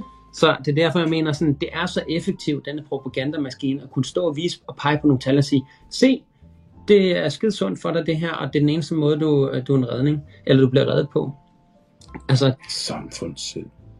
ja, også en, den vildeste propaganda over, der nogensinde er fundet på. Altså. Og hvis man ved bare lidt Det er effektivt. Ja, ja. Det er effektivt jo af helvede til. Og det er du jo bare det der med, at man udnytter menneskets naturlige trang til at passe ind og gerne vil være en del af noget. Ikke? Altså ligesom et andet eksempel på et studie, hvor folk sidder i, øh, i venteværelset hos lægen, og så er der så øh, tre personer, der får at vide, at når hver gang der kommer en person ind, så skal I rejse op og klappe og sætte jer ned igen. Til sidst ender det med, at der virkelig sidder altså 30 personer og rejser sig op og klapper, og de ved ikke, hvorfor de gør det, men alle de andre gør det, så ja, derfor så gør vi det også, selvom man godt kan se, at det er altså fucking dumt det her, ikke? Ja, de første 30, øh, vi går lige her og hælder vand op til hinanden. Øh, de første 30 personer vidste ikke engang, øh, altså for de første 30 personer er skuespillere. Mm. Der Og så kun bliver stille og roligt udskiftet med rigtige patienter, som hver især står og rejser sig Ja. op og klapper i hænderne, hver Ja. gang der er en biblød i, i Ja. højtaleren. Ja. Men, men da, da de bliver spurgt, så, øh, eller hvorfor de rejser sig op, som du siger, så er der ikke nogen af dem, der kan svare på det andet. De er bare fuldt flokken. Mm. Det er virkelig den der flokmentalitet, der er den værste. Ja. Fordi er når vi stopper med at stille spørgsmål til, hvorfor vi gør tingene, og der, det er jo ligesom det, jeg synes, der er det sundeste ved at være lege med konspirationsteorier, eller bare lege med viden, for det, det Ja. synes jeg i virkeligheden er det, det handler om. Mm. Det er, at man egentlig bare tør at stille spørgsmål. Mm. Altså, fordi man hvis du træner tør... sin hjerne til at, Ja.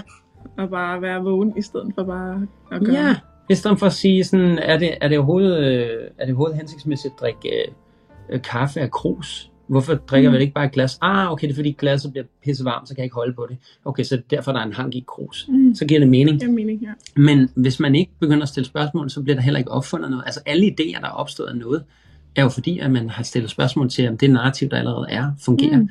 Og det synes jeg bare desværre, der er ikke nok danskere, eller folk i verden i det hele taget, der har lyst til at stille spørgsmål til det her ting. Det er som om, at vi bare nyder, altså de nyder øh, trygheden. Og det må sige, det er jo det, der er farligt ved, at når der ikke er krig, så bliver folk, eller når der er overflod af noget, så bliver folk ikke taknemmelige for det, de har. Og så på den måde, så øh, vil der efter noget tid være sådan, at, at øh, jamen det er ligesom, jeg plejer at sige det her. For at kunne nyde en god film, skal du se nogle dårlige en gang imellem. Du bliver simpelthen, intention bliver nødt til at sætte i, at sætte dig ned og se en dårlig film en gang imellem. Så kan vi Fordi, komme hvordan tilbage skulle du til ellers- øh, religion og ramadan. Og, altså, det er jo også altså, det, det handler om, at man vil at spise hele dagen, for at så lærer man at sætte pris på det, og Man faster for, man ikke tager det for givet. ja, for ved at sætte maden. Man faster også for at komme i en spirituel Mm. tilstand. Helt sikkert. Ja. Nu har jeg skulle spise noget mindre. Nå ja, men der er gift. Altså, der er jo giftstoffer i alt, hvad vi rører ved. mm, Og mm. hvis du faster, så kan kroppen nå at... Ja, det er faktisk øh, dokumenteret i forskellige øh, studier omkring øh, fasting, at vores, forne- at vores celler fornyer sig hurtigere Absolut. ved at faste. Mm. Altså, det vil sige, de celler, vi går og taler om evig ungdom og leve længere, det har man fundet ud af, at man faktisk kan opnå Jamen, delvis de med kan ikke lide det, fordi de slår igen, politikerne slår ned på alt det gode, for at holde dig i lænker. De siger, at nej, men dem, der faster, skal jo ikke have lov til at gå på arbejde. Hvor- Hvorfor? Det er jo super sundt, og mange motionister er begyndt at snakke om, skal, vi, skal man dyrke sport på tom mave, eller ikke? Ja. Og, Ja, dem har jeg også studeret meget om. Ja. og så er der, jamen, der er så meget. Det, det er jo derfor, at jeg bedre kan lide struktur, fordi ellers så bliver, det, så bliver folk forvirret. Ja. Cupping, det er super ulovligt nogle steder, men nu har vi fundet ud af, at cupping kommer Cupping også, massage, ja, og hvor de sådan prikker hul i huden for at så suge suge det- blod. Okay. Ja, det dårlige blod. Okay, men det er jo sådan en gammel, det er sjovt, for det, Det er det, er en meget gammel tradition, Men nu ser du, ja, til lægen, og så så man blødt ud. Ja, Ja. men nu ser du svømmere, altså primært svømmer, fordi du kan se deres overkrop, når de svømmer. Ja. Ja. De har de her koppingmærker på skuldrene og på ryggen, og Mm. så, så vi, der er en dokumenteret effekt på, at det virker, og det er sundt for dig, men vi gør det lige ulovligt, fordi du skal ikke være for sund, min dreng. Mm. Cannabisolie er jo en stor del af det, vi ser, hvor mange mennesker det hjælper. Syge mennesker, det hjælper. Det er jo naturmedicin. At de, og cannabisolie er jo ikke noget, hvor der indeholder til, til, THC, i hvert fald ikke i de fleste tilfælde. Men det er jo også igen noget, hvor man har ulovligt gjort det, øh, som en plante, der har hele egenskaber, og også kan skabe indsigter. Selvfølgelig kan du også, hvis... Jeg kan bare ikke forstå, hvordan man kan legalisere alkohol, og så ulovligt gøre hash, når man kan dø af alkohol, men man endnu ikke er død. Der er ikke nogen, der dør af hash. Men alligevel, altså det er sådan nogle... Der er flere mennesker, der dør af kaffe, end der er sjolie. Ja, lige præcis. Ja, lige præcis. øhm, men, men alle sådan nogle ting der, det, det, er, det er ærgerligt at tænke på, at vi, begræns, at vi bliver begrænset, og, og også at vi har det her. Nu, nu under pandemien er der mange folk, der bliver kaldt Karens. Altså en Karen, typisk Karen-type vil være, jeg ved ikke, hvorfor hun fik det øgenavn, men der var, det kan være, hun den første, der gjorde det, hed Karen. Men en, der, en der for eksempel, en typisk Karen vil være, en, der har set, du laver noget ulovligt i trafikken, så hun overskrider ha- hastighedsgrænsen og kører fuldstændig vanvittigt på gaden, bare for at pege på dig og råbe, at du har overtrådt loven. Det er en typisk Karen-handling. Det vil sige, at du, du peger på nogle andre og siger, at du er forkert, og, og de spiller de ofre. Det vil sige, de, de ringer til politiet og siger, at de bliver overfaldet, selvom de tydeligvis ikke bliver overfaldet. Men at de føler sig troet, og de er faktisk øh, blevet fornærmet af hinanden. Øhm, den mentalitet om, at vi har så meget tillid til regeringen, og der er noget andet politi, der skal komme og redde os. Altså, at, at vi frelægger os selv et ansvar om, at øh, staten og regeringen må gøre noget, og vi må kunne, øh, vi må f- kunne vedtage en lov for at komme ud af det her. Altså det er et narrativ om, at der skal være en ny lov, der gør, at det ikke er muligt for folk at ryge dem op i hovedet. Hvad for noget? Du kan da bare gå eller bede dem om at lade dem ryge dig op i hovedet. Jamen, nogen gør det så alligevel. Okay, men det er jo så det, der er nederen ved at leve i den frie verden, siger jeg som ikke ryger. Det er bare, at nogle gange så kommer der nogen, der ikke respekterer dine grænser. Men det gør de også, selvom du har lavet tusind love. Mm. Så kommer der en eller anden, og så kan det være, at de kommer i spillet, men der kommer også en til og overskrider dine grænser. Sådan vil det blive ved. Du kan ikke, du kan ikke øh, lovgive dig ud af alt. Der er også bare noget, der hedder, sådan er det bare. Og at, at vi, vi, må, vi må finde os, og vi skal finde det, som vi snakker om før. Det handler nemlig om, hvis vi skal lave sådan en podcast, hvordan giver vi folk forståelsen af, at de har deres egen power. Blandt andet suverænitet, som man kan søge, hvor man ikke længere lever under regeringen som en borger med et CPR-nummer, men man faktisk er på lige fod med, med, med regeringen, eller hvad man skal sige. Eller hvis man stadig gerne vil være flokdyr, kan man jo også skabe nogle communities, som, som gør det lidt nemmere at slippe ud af det der system, hvor du bare fra A til B betaler dine skatter, går hjem, og så er det bare det. Altså, der, der må være mere mellem himmel og jord, end bare at passe et arbejde fra 4 til 7, altså. Eller 8 Ja. til 8 til 5, eller Men mange folk stiller ikke spørgsmål til det der med at bare øh, gå på arbejde. Altså, det, det er bare sådan, at det skal vi jo. Ja, det gør man jo. Altså, det, igen, de har de er så lullet så langt ind i, at de stiller ikke engang spørgsmål til, hvorfor går du på arbejde? Men det er for at få penge. Men hvad hvis du kunne få penge på en anden måde? Ej, det kan man ikke. Hvad skal jeg så gøre? Tik på gaden, eller hvad? altså, det er som om, de, kan ikke, de, de har ikke fantasi nok til at udvære sig horisont til, nej, du kunne da også øh, dyrke din egen, hvad skal du bruge penge til? "Mm, Det er jo til, at jeg kan købe mad. Men du kan dyrke din egen mad. Ja, men jeg kan jo ikke dyrke kokosnødder i Danmark. Du kan så lade være med at leve af kokosnødder til at starte med. Men, Du kan spise det en gang imellem. Men kokosnødder er jo det, der bringer sygdom på, så vi skal have masker på igen. Altså,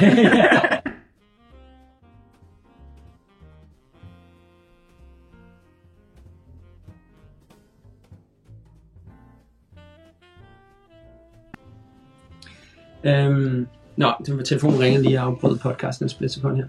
Jeg skal lige have noget vand. ja, ja, ja. Apropos vand. Vandrensning. Hvad vækkede dig? Jamen, øh, jeg tror, da øh, corona kom, der, øh, der var jeg gravid. Og øh, jeg synes, at øh, det virkede ret mærkeligt at skulle tage mundbind på, og ikke kunne, kunne trække vejret ordentligt. Når man ligesom skulle forsyne ilt, ikke bare sig selv, men også øh, en lille baby. Øhm, så der, der lod jeg bare være at tage mundbindet på. Og så, det var ligesom om, at folk de, de tolererede det bedre, når man var gravid. Fordi så kom jeg bare der med min mave og mit smil, og så, så var der ikke nogen, der turde sige noget. Øhm, og mine andre børn, de, det var ligesom om, at de, de kunne ret hurtigt mærke, at, øh, at det var anderledes. At, altså, jeg tror, at jeg var den eneste, de så, som ikke havde mundbind på. Så ret hurtigt kunne jeg også mærke, at, øh, at de begyndte at undskylde på min vegne. At du ikke havde mundbind på? Ja. Åh, Og der, der blev jeg sådan lidt, okay. Altså, hun er nødt til at vide, hvad hun skal have. Ja, og det er bare sådan, det her, det påvirker faktisk mine, mine børn på en måde, som jeg ikke synes er, er rar. Altså, øhm, også selvom jeg er jo i tale sat over for dem, at jamen, man har stadig sit valg. Altså selvom at alle andre har mundbindet på, så har jeg stadigvæk ret til ikke at have mit på. Øhm, og ja, som jeg nævnte tidligere, så har jeg bare været skeptisk over for vaccinationer generelt, og jeg er ikke selv vaccineret, mine børn er ikke vaccineret øh, overhovedet. Så det gav jo ikke nogen mening at lige pludselig skulle tage imod en vaccine. Øhm, Som er nødsgodkendt. Ja, mm. ja, det kan man sige. Og man kan sige jo, øh, altså for eksempel MFR-vaccinen er jo øh, testet en del mere, og den har jeg ikke lyst til at tilbyde mine børn, så mm. gav det heller ikke så meget mening at tilbyde dem øh, en coronavaccine. For en øhm, sygdom, de ikke bliver rigtig syge af, og øh, ja. ikke dør af. Ja. altså. ja. Og verdens... Ja, men altså. Ja, og man kan sige, at min mor, hun, øh, altså, hun var sådan nærmest øh, en af de første i Danmark, der fik corona. Øhm, hun arbejder i en kirke, hvor der kommer rigtig mange kinesere og italienere og alt muligt, så øh, hun fik corona ret hurtigt. Øhm, og hun var ikke specielt syg, altså hun havde influenza. Hvor gammel er hun? Hun er 60. Øhm, så der kan man sige, der, der, der havde børnene ligesom en idé om, at mormor har corona, så alle, alle, alle de der skræmme øh, scenarier, folk kom med, det var ligesom om, det prallede lidt af på dem. Øhm, jeg har sådan en stor søn på 16 år, og han var bare sådan, altså min mor, hun har haft corona, og hun er altså ikke død, så... mm. øhm, så det går nok. Ja, så jeg tror bare, at øh, så begyndte jeg bare at, at læse mere om det, og den mavefornemmelse igen, jeg havde bekræftet mig bare i, at okay, det giver ikke mening at gå med mundbind. Det giver ikke mening at tage imod den her vaccine. Det giver ikke mening at øh, overholde et latterligt forsamlingsforbud. Øh, og så kan man sige, havde vi heldigvis en masse i vores omgangskreds, som var dem, som vi så med til hverdag, som heldigvis havde det på samme måde. Øh, både i min familie og øh, jeg har mine børn hjemme. Så den gruppe af mennesker, vi ligesom har mødtes med, øh, har haft det på samme måde som os, så vi har stadigvæk mødtes. Øh. Så du har ikke respekteret den sociale boble? Nej, det har jeg ikke. Øh, så vi har stadigvæk mødtes altså under hele pandemien, øh, tre gange om ugen, øh, 30 mennesker og børn og snot og ud over det hele. Og altså, da det corona hele. var på sit værste, der havde vi en underdødelighed. Nu er verden tilbage mm. til normal, nu har vi en overdødelighed. Hvor mm. er det, I får jeres data fra til at sige, at det her det virkede? Det mm. klarede vi super fint. Mm. Lad os gøre det igen. Ja. Og det interesserer mig også, at, at øh, hvorfor har, vælger Danmark pludselig at åbne op, hvilket jeg synes er fantastisk, mm. det gjort længe, for længe siden. Hvis man kigger på smittetallene. Ja.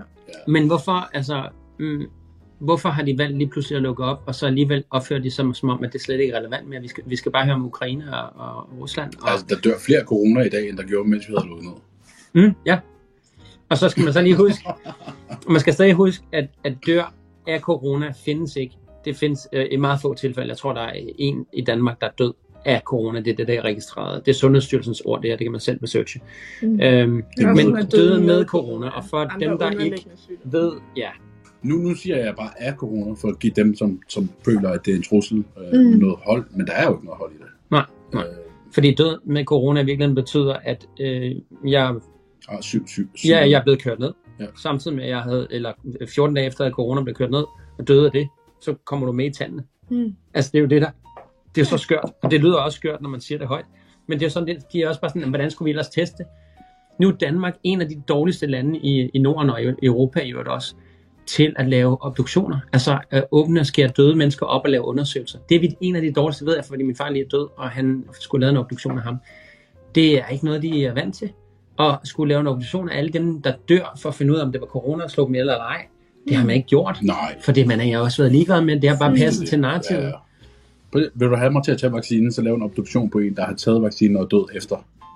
Og fortælle mig, hvad det er, hvad, om det er vaccinen, der har påvirket det. Og hvis det ikke er, så skal jeg nok tage den skide vaccine. Men indtil da, så, så, skal jeg, så leger jeg bare ikke noget. Men det er jo tankevækkende, at dem, som dør af andre underliggende sygdomme, bliver registreret, som, som om de er døde ja. med corona. Men dem, som er døde efter vaccinen, er døde af alt andet? Det er døde alt andet. Det har ikke været det, fordi det kan man jo ikke bevise, at det har, det har ikke haft noget med det at gøre. De har faktisk haft høfeber og døde af det. Ja. ja.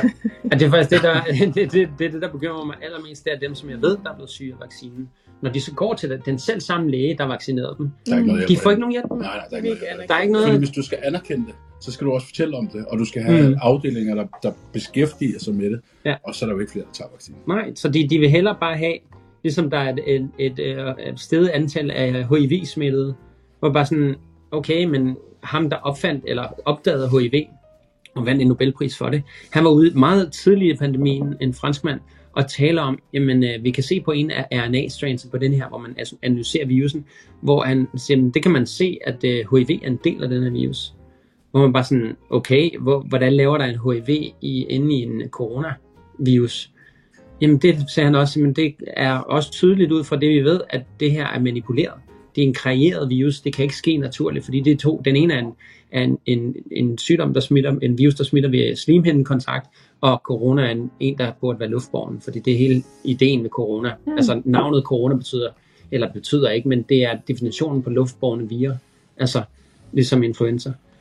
Influenza er jo også en coronavirus, hvis til folk, der mm. lytter ikke ved det, men, men det er bare en anden type coronavirus. Ja. Men, øh, men ja, altså, jeg synes jo bare, det er, det er skræmmende, at man ikke får den hjælp, når man så, så man tager den eksperimentelle medicin, som ingen, som ingen gang, altså, der er ikke nogen, der kan stå til ansvar for denne her, øh, øh, hvad hedder det, øh, altså, der er ikke nogen, der bliver stillet til ansvar, hvis du bliver syg af vaccinen. Og det synes jeg også er helt sindssygt. Siden hvornår er der nogensinde været muligt at udgive et produkt på markedet, hvor du ikke er ansvarlig for, hvad der sker med folk, hvis de bruger det? Eller ja. hvor forbrugeren, som ikke har taget det, er ansvarlig for din sikkerhed. Ja, ja lige præcis, ja. Det er super. Ja, ja så apropos samfundssind, at, vi skal, at alle skal tage vacciner for hinandens skyld. Men når du bliver skadet, så går staten ind for, at du tager ansvar for dig selv. Ja. ja. Så det er meget mærkeligt, det der. Ja. Hvorfor kan jeg ikke tage ansvar for mig selv, før jeg bliver skadet? Mm, mm. Mm. Men efter du bliver skadet, så er du på egen ben. Det er underligt. Ja, og det, og det er ikke bare underligt, det er korrupt, det er forkert, det er ikke i orden, det er de samme regeringer, vi betaler øh, skattekroner for, at det skal styre. Så det er også derfor, jeg mener, hvis du vil have nogle koldblodige mennesker, så er det alle dem, der går med til det her. Altså, nu snakker vi før om, omkring 2. verdenskrig, hvor mange af de her øh, overofficerer, eller hvad hedder sådan nogle, hvad var det, du kaldte dem? Øh, generaler. Generaler, ja.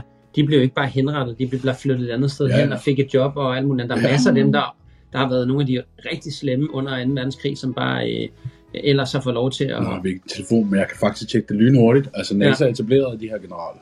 Ja. Hvordan kan det lade sig gøre? Ja. Det er, hvad er etableret, sagde? NASA. Nå, okay. Altså, da, da Nazi-Tyskland faldt, så blev det jo bare flyttet, de her generaler. Nogle af dem fik styr på rumforskningsdelen, nogle af dem, nogle af dem etablerede medicinalindustrien. Mm. Altså, jeg har listen på min telefon, men jeg ved det, jeg ikke kan sætte den herover, fordi... Så larmer den, så larmer den ind i. Ja. Men der er en hel liste øh, af, hvor de sidder og hvor de er. Altså, ham mm. fra NASA, det var fordi, han udviklede sig gode raketter fra Tyskland. Jeg tænkte, ham der kan vi få til at lave raketter, så vi kan komme på månen. Ja. ja.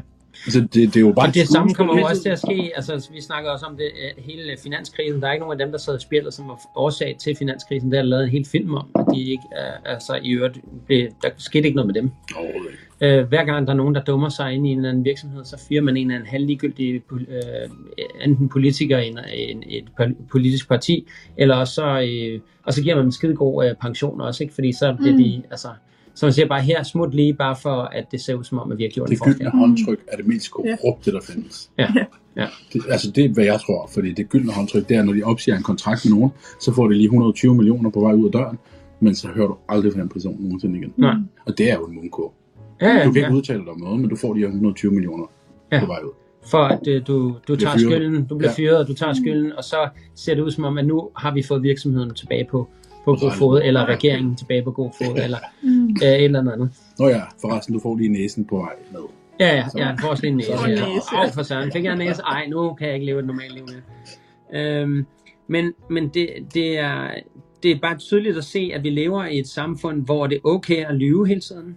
Det er okay, og, og, og det her, de mennesker, der skulle være forbilleder for os, altså en regering, statshoveder, politikere, alle dem, som vi i gåsøjne vælger ind og siger, de ved, de ved hvad vores højeste bedste gode er. Dem, dem her kan vi stole på, for de vil det samme, vi vil viser sig at være de mennesker, vi ikke kan stole på, og som overhovedet ikke havde den interesse. Og der er så meget byråkrati i, i, i politik, som vi slet ikke kender til.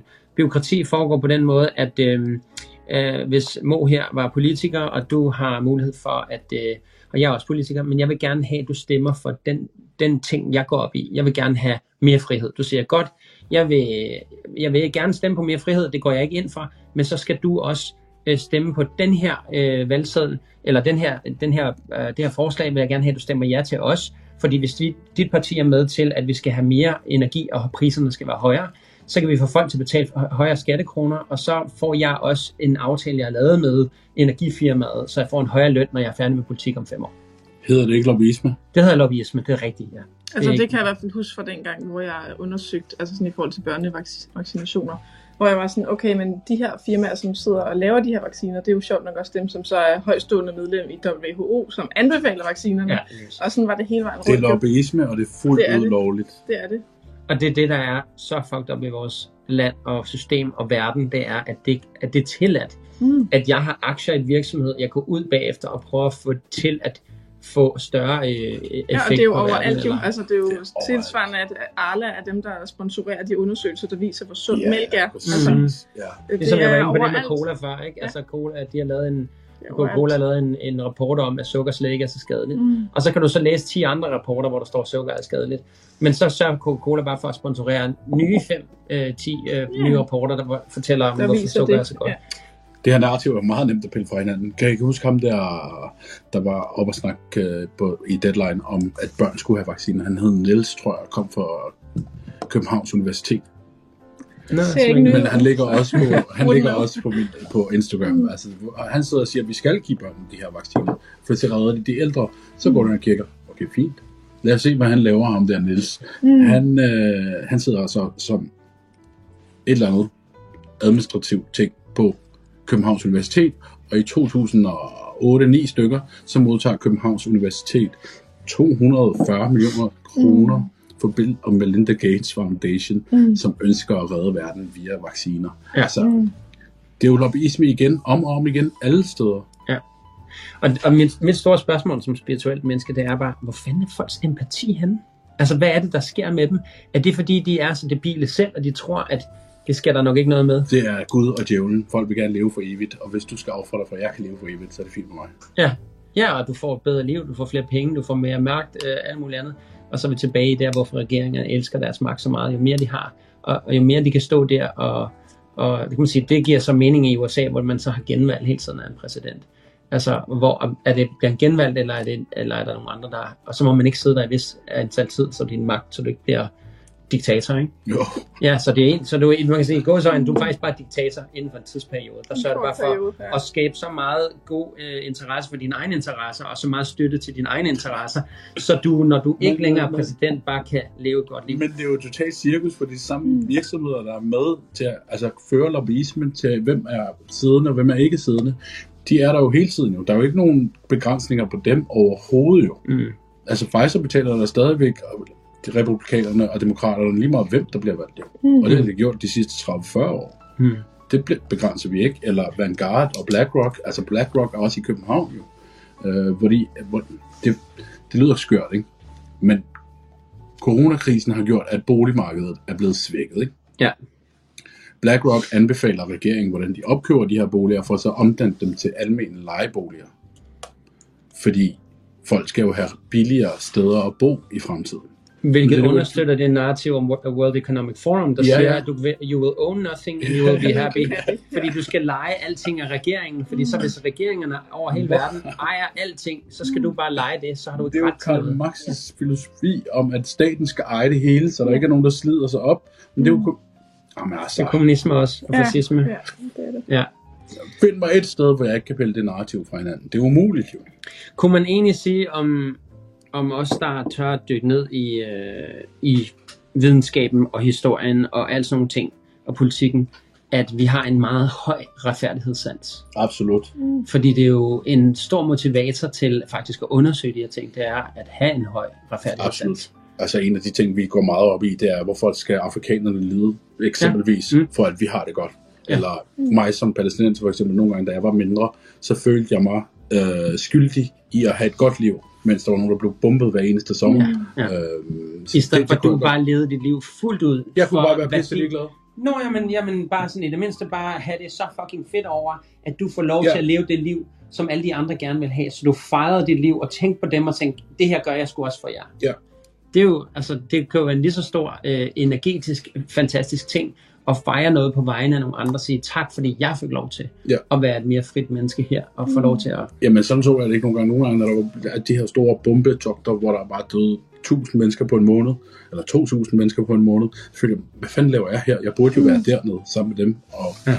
altså, ja, det, det, det, det vi godt kunne tænke os at gøre op med. Øh, ikke at det skal ske med blod og ødelæggelse, for det gavner ikke noget. Øh, vi skal bare stå på egne ben. Staterne skal blive mindre, og øh, vi skal lære og øh, ja, stole på hinanden igen, fordi det eneste, der fører dem til, hvor de gerne vil have os hen, det er alt det her had og division, der er mellem os, og det kommer fra dem. Ja, man kan sige, for hver gang vi oplever, at nogen vil opdele os i uvaccinerede og vaccinerede, eller øh, højorienterede Unge og gamle. venstre, unge og gamle, øh, Mand og kvinde, mand og kvinde, ja, sort og hvid. lige præcis. Alle de der ting tjener kun regeringen og Ja. politikernes narrativer. Så så længe man hopper med på den og taler med på den og støtter det og deler det, øh, man kan sige, Black, øh, øh, Black Lives Matters, hvis ikke det var en organisation, der havde lavet Black Lives Matters, lad os bare sige, at nogen lavede en, en klub, der hedder øh, Vi Sorte har også rettigheder. Nu siger jeg, Ja. vi sorte ikke, at jeg er det, men, men altså, der er nogle ting, man ikke må sige, som, som ved, ikke? Altså alligevel. Men, men jeg har altid øh, faktisk en ting, jeg altid gerne ville have været, det var faktisk at være sort, fordi de dansede meget bedre, og de sang meget bedre. Så jeg har faktisk vokset op. Jeg har faktisk 2,5% sub-Saharan Africa. Men hvordan er det? Jamen, se igen, jeg skal have et skrift, fordi hvordan er det overhovedet okay at kalde folk for sorte? Jeg går ikke rende rundt og kalder folk for gule. Nej, lige præcis. Ja, Det, Hvad fanden foregår der? Ja, ja. Ja, det er defineret så, og det definerer åbenbart også en personlighed. Altså det bliver, men det er, jo, det er jo det, vi skal huske. Men det er jo igen opdelelsen. Dem Ja. ja. Ja. Og vi kan godt lide at putte folk i kasser. Det Ja. er, jo- og det er jo også det, jeg prøver at gøre med, med min podcast. Det prøver at forsimple nogle gange. Nu kan det godt være i dag, at, at folk synes ikke, at det er forsimplet, men, Nej, det er det. men det, der, der bliver skudt for alle øh, kanter og sider, men det er bare for at høre, hvor dybt de her øh, kaninhuller øh, stikker. Ja. Men, men, men vi vil jo gerne forsimple tingene, for så er det nemmere Præcis. at forstå, nemmere, og det er mere spiseligt. Og så er det desværre bare nogen, der stopper ved den. Det er bare sådan, om øh, sorte mennesker, de, øh, de kommer og tager vores damer, så derfor er de nederen. Jamen, og så kan deres hjerne ikke præstere mere, for det er bare det, de har hørt, og det lyder sgu meget rigtigt, fordi de har da ikke nogen kæreste lige nu, så det må være det, fordi der er en sort, der har taget deres kæreste. Og så, øh, altså, så når de bare ikke længere i deres bevidsthed, fordi de enten er uintelligente, eller uvidende, eller ikke er blevet opmuntret til at være stille kritiske spørgsmål. Og, sådan noget. Mm. og så har vi en generation og sådan noget, at sådan så jeg faktisk Trump-vælgerne meget i starten. Det var mange af hans vælgere, de stillede ikke spørgsmål til noget. Altså, og, og jeg skal sige, jeg er ikke for Trump, jeg er heller ikke for Biden, jeg er for ingen af dem. Altså, mm. øh, men jeg vil sige, Trump kom trods alt ind og lavede en lille revolution på, at man kan komme af ingenting, og man kan være business-minded, og så kan man faktisk hive ting frem i lyset. Jeg tror ikke, hans intention var at sige, nu kommer jeg som sådan en, der hiver ting frem i lyset. Jeg tror slet ikke, han ved, hvad han selv havde gang i. Jeg tror bare, han ligesom en, en, en dreng i en slikbutik gik i gang med at gøre alle mulige ting og tænkte, det her virker meget rigtigt. Og så gik han på gang, og så lige pludselig, altså man skal stadig huske, han var stadig en del af Epstein Island og alle de der... Øh, øh, Ikke bevisligt, nej. Nej, nej, men altså, Ja. han er stadig kritiseret for alt Ja, det. ja, ja, ja. Vi, vi fangede ham i Grab him by the pussy og Ja. sådan nogle ting, ikke?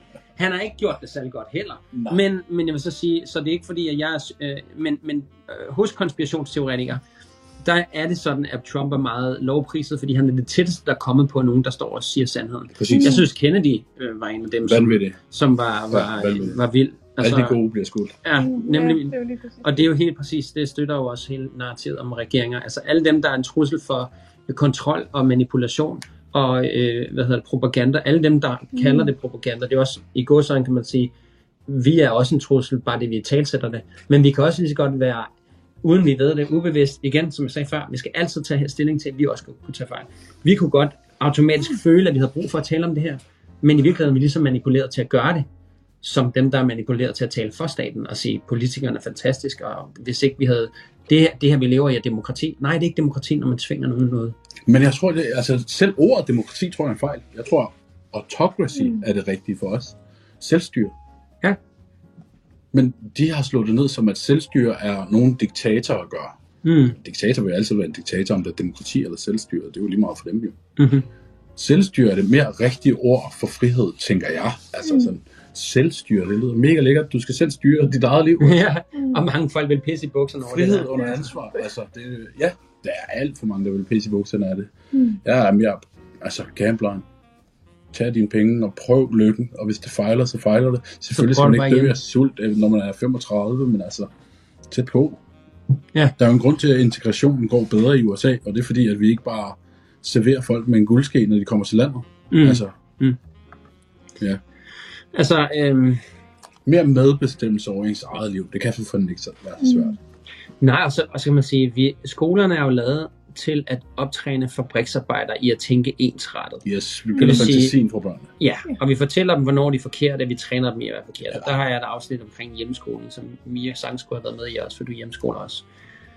Øhm, men det her med, at vi, bliver, vi, vi føler, at nogen skal bestemme over os, det kommer fra skolerne, det kommer fra Mm. vores forældre, men det bliver overført på skolerne og Mm. projiceret derover, så nu det skal du gøre, hvad de siger i skolen.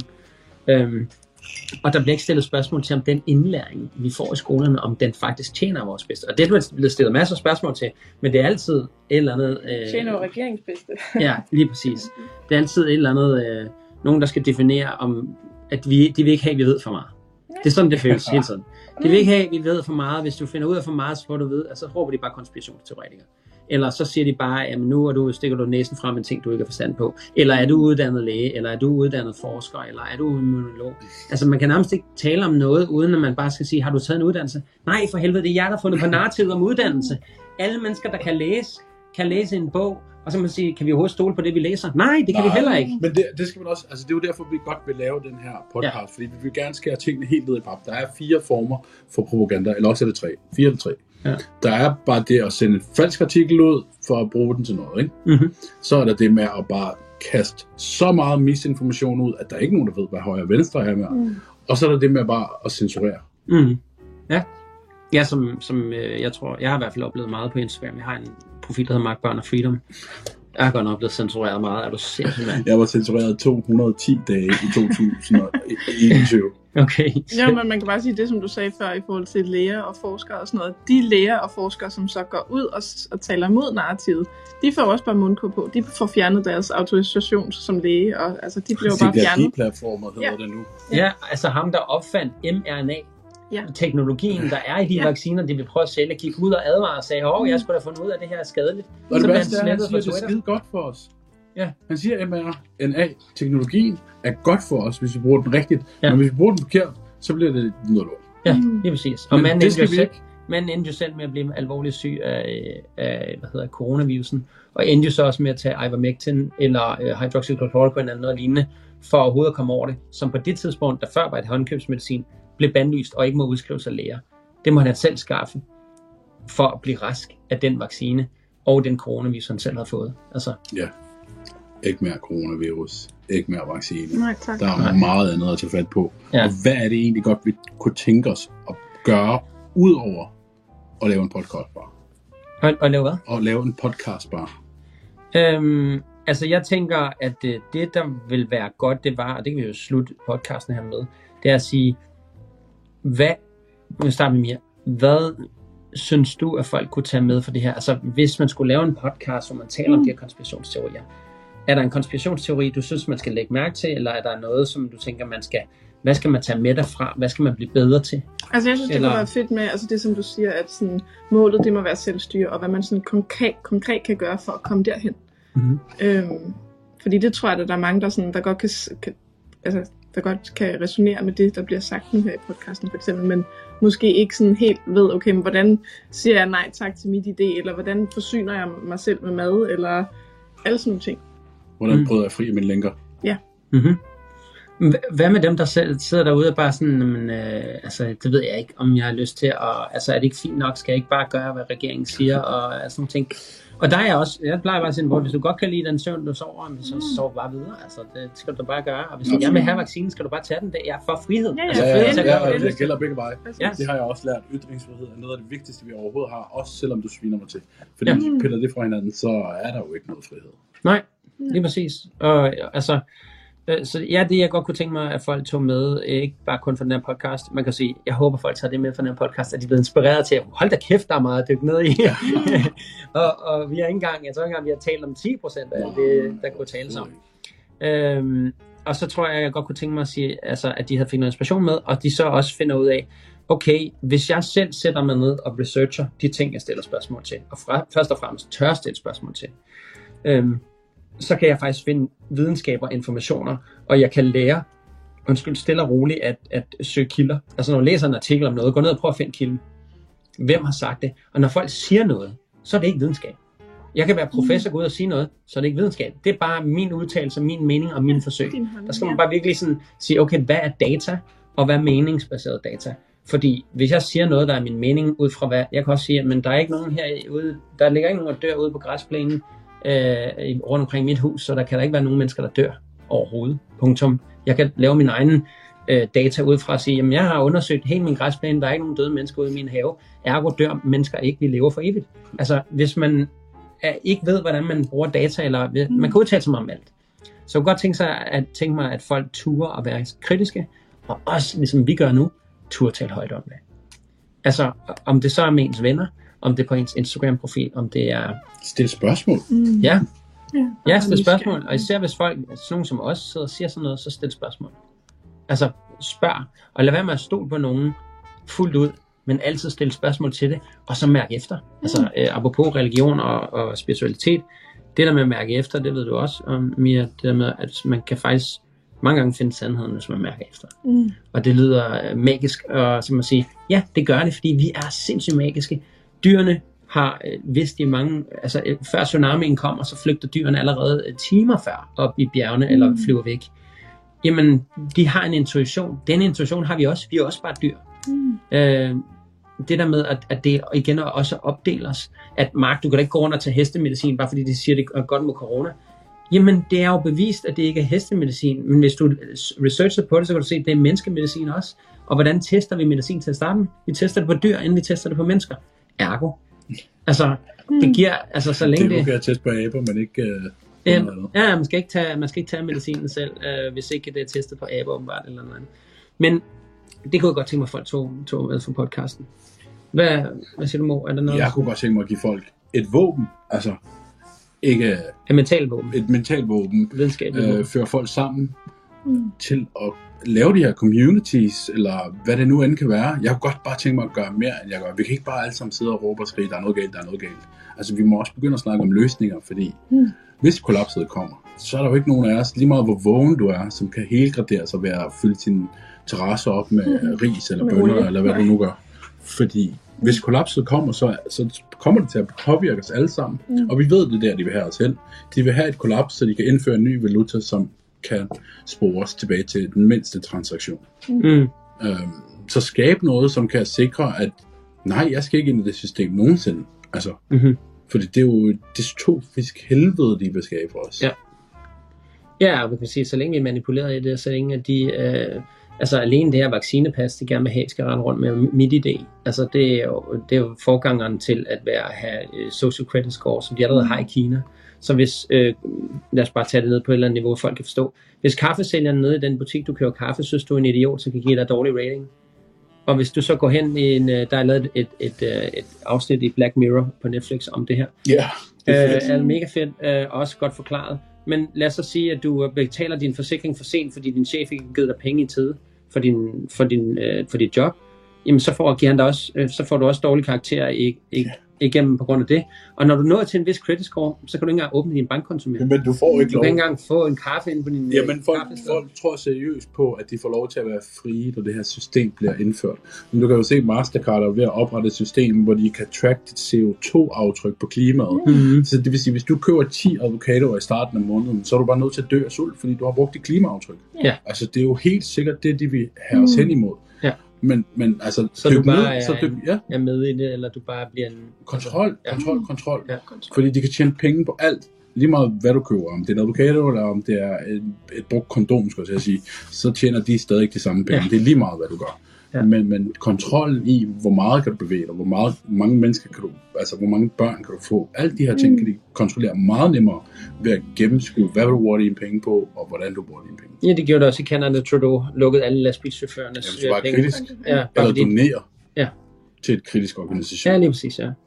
Så jo mere statskontrol vi har, jo mindre frie bliver vi. For du kan ikke bevæge dig frie. Dine penge er ikke længere dine penge, fordi staten tager, bare, tager dem bare fra dig. Øhm, du kan ikke være dækket af nogen forsikring. Du kan ikke, øh, det, dine børn kan tages fra dig. Det er man jo allerede i gang med øh, flere lande nu at kigge på, at når du føder et barn, så er det ikke længere dit barn, men statens barn. Ja. Øh, fordi så kan de bestemme, om det skal vacciner, mediciner og alt muligt andet. Mm. Så, og det, det tegner sig til mere og mere ligne sådan en, en, en fabrik. Ja. Så, når, så man kan sige, målet er ligesom at prøve at få folk til at, at komme væk fra frygten. Altså, det er også udfordringen her ligger.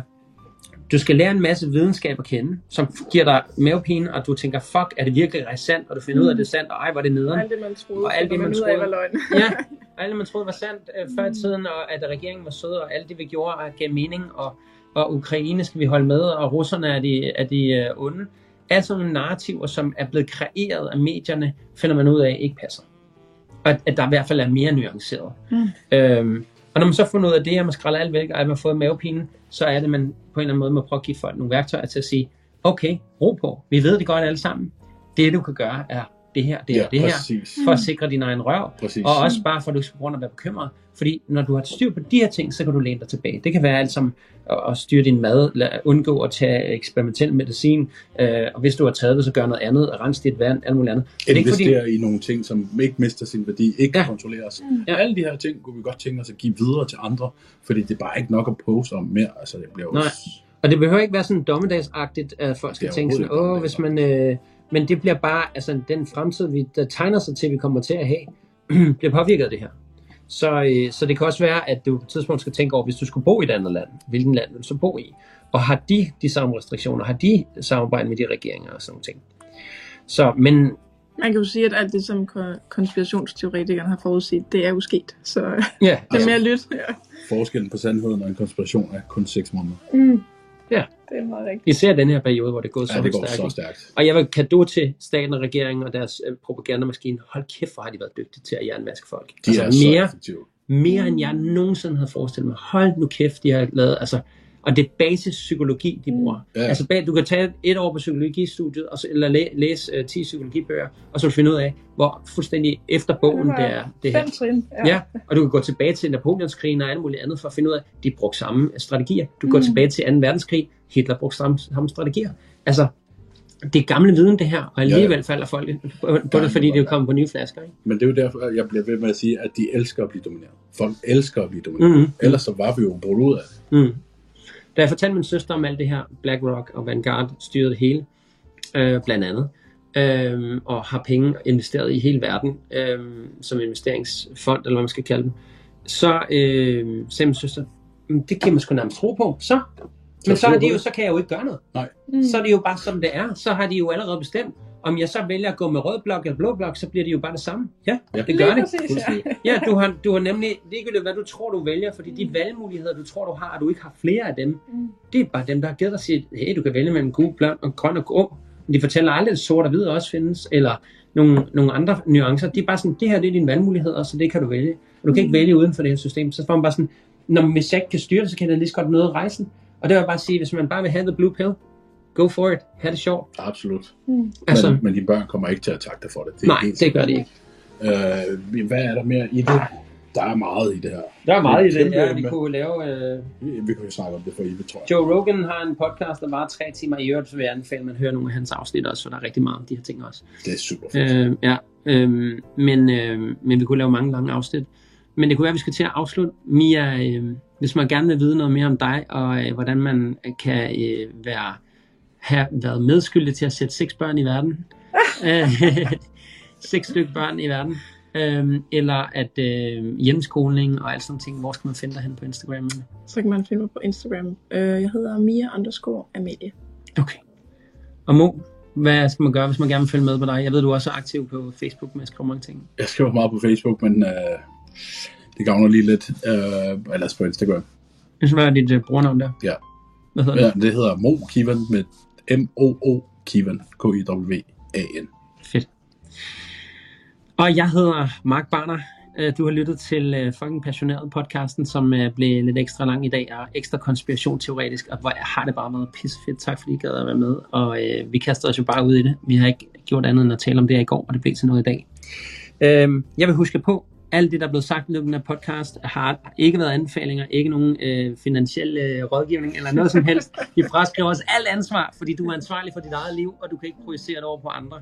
Tag ansvar for dit eget liv, øh, lav din egen research, og ved, at øh, du er mega fucking sej og mega fucking stærk, uanset hvilken retning du be- bevæger dig i. Så længe du tror på det, så er øh, tro, der flytter bjerge. Og, øh, og så vil jeg sige, øh, brug vores mening, hvis du kan. Række ud til os, hvis du har lyst. Du kan finde mig på Instagram på Mark Barner øh, i et ord. Det er med k b a r n e r Øhm, og du kan også finde mig på Mark Barner, det samme igen, med bare med Freedom på i et ord. Mark Barner Freedom, det er min anden profil, der kun handler om, øh, ja, om at stille spørgsmål og ture være øh, skeptiker.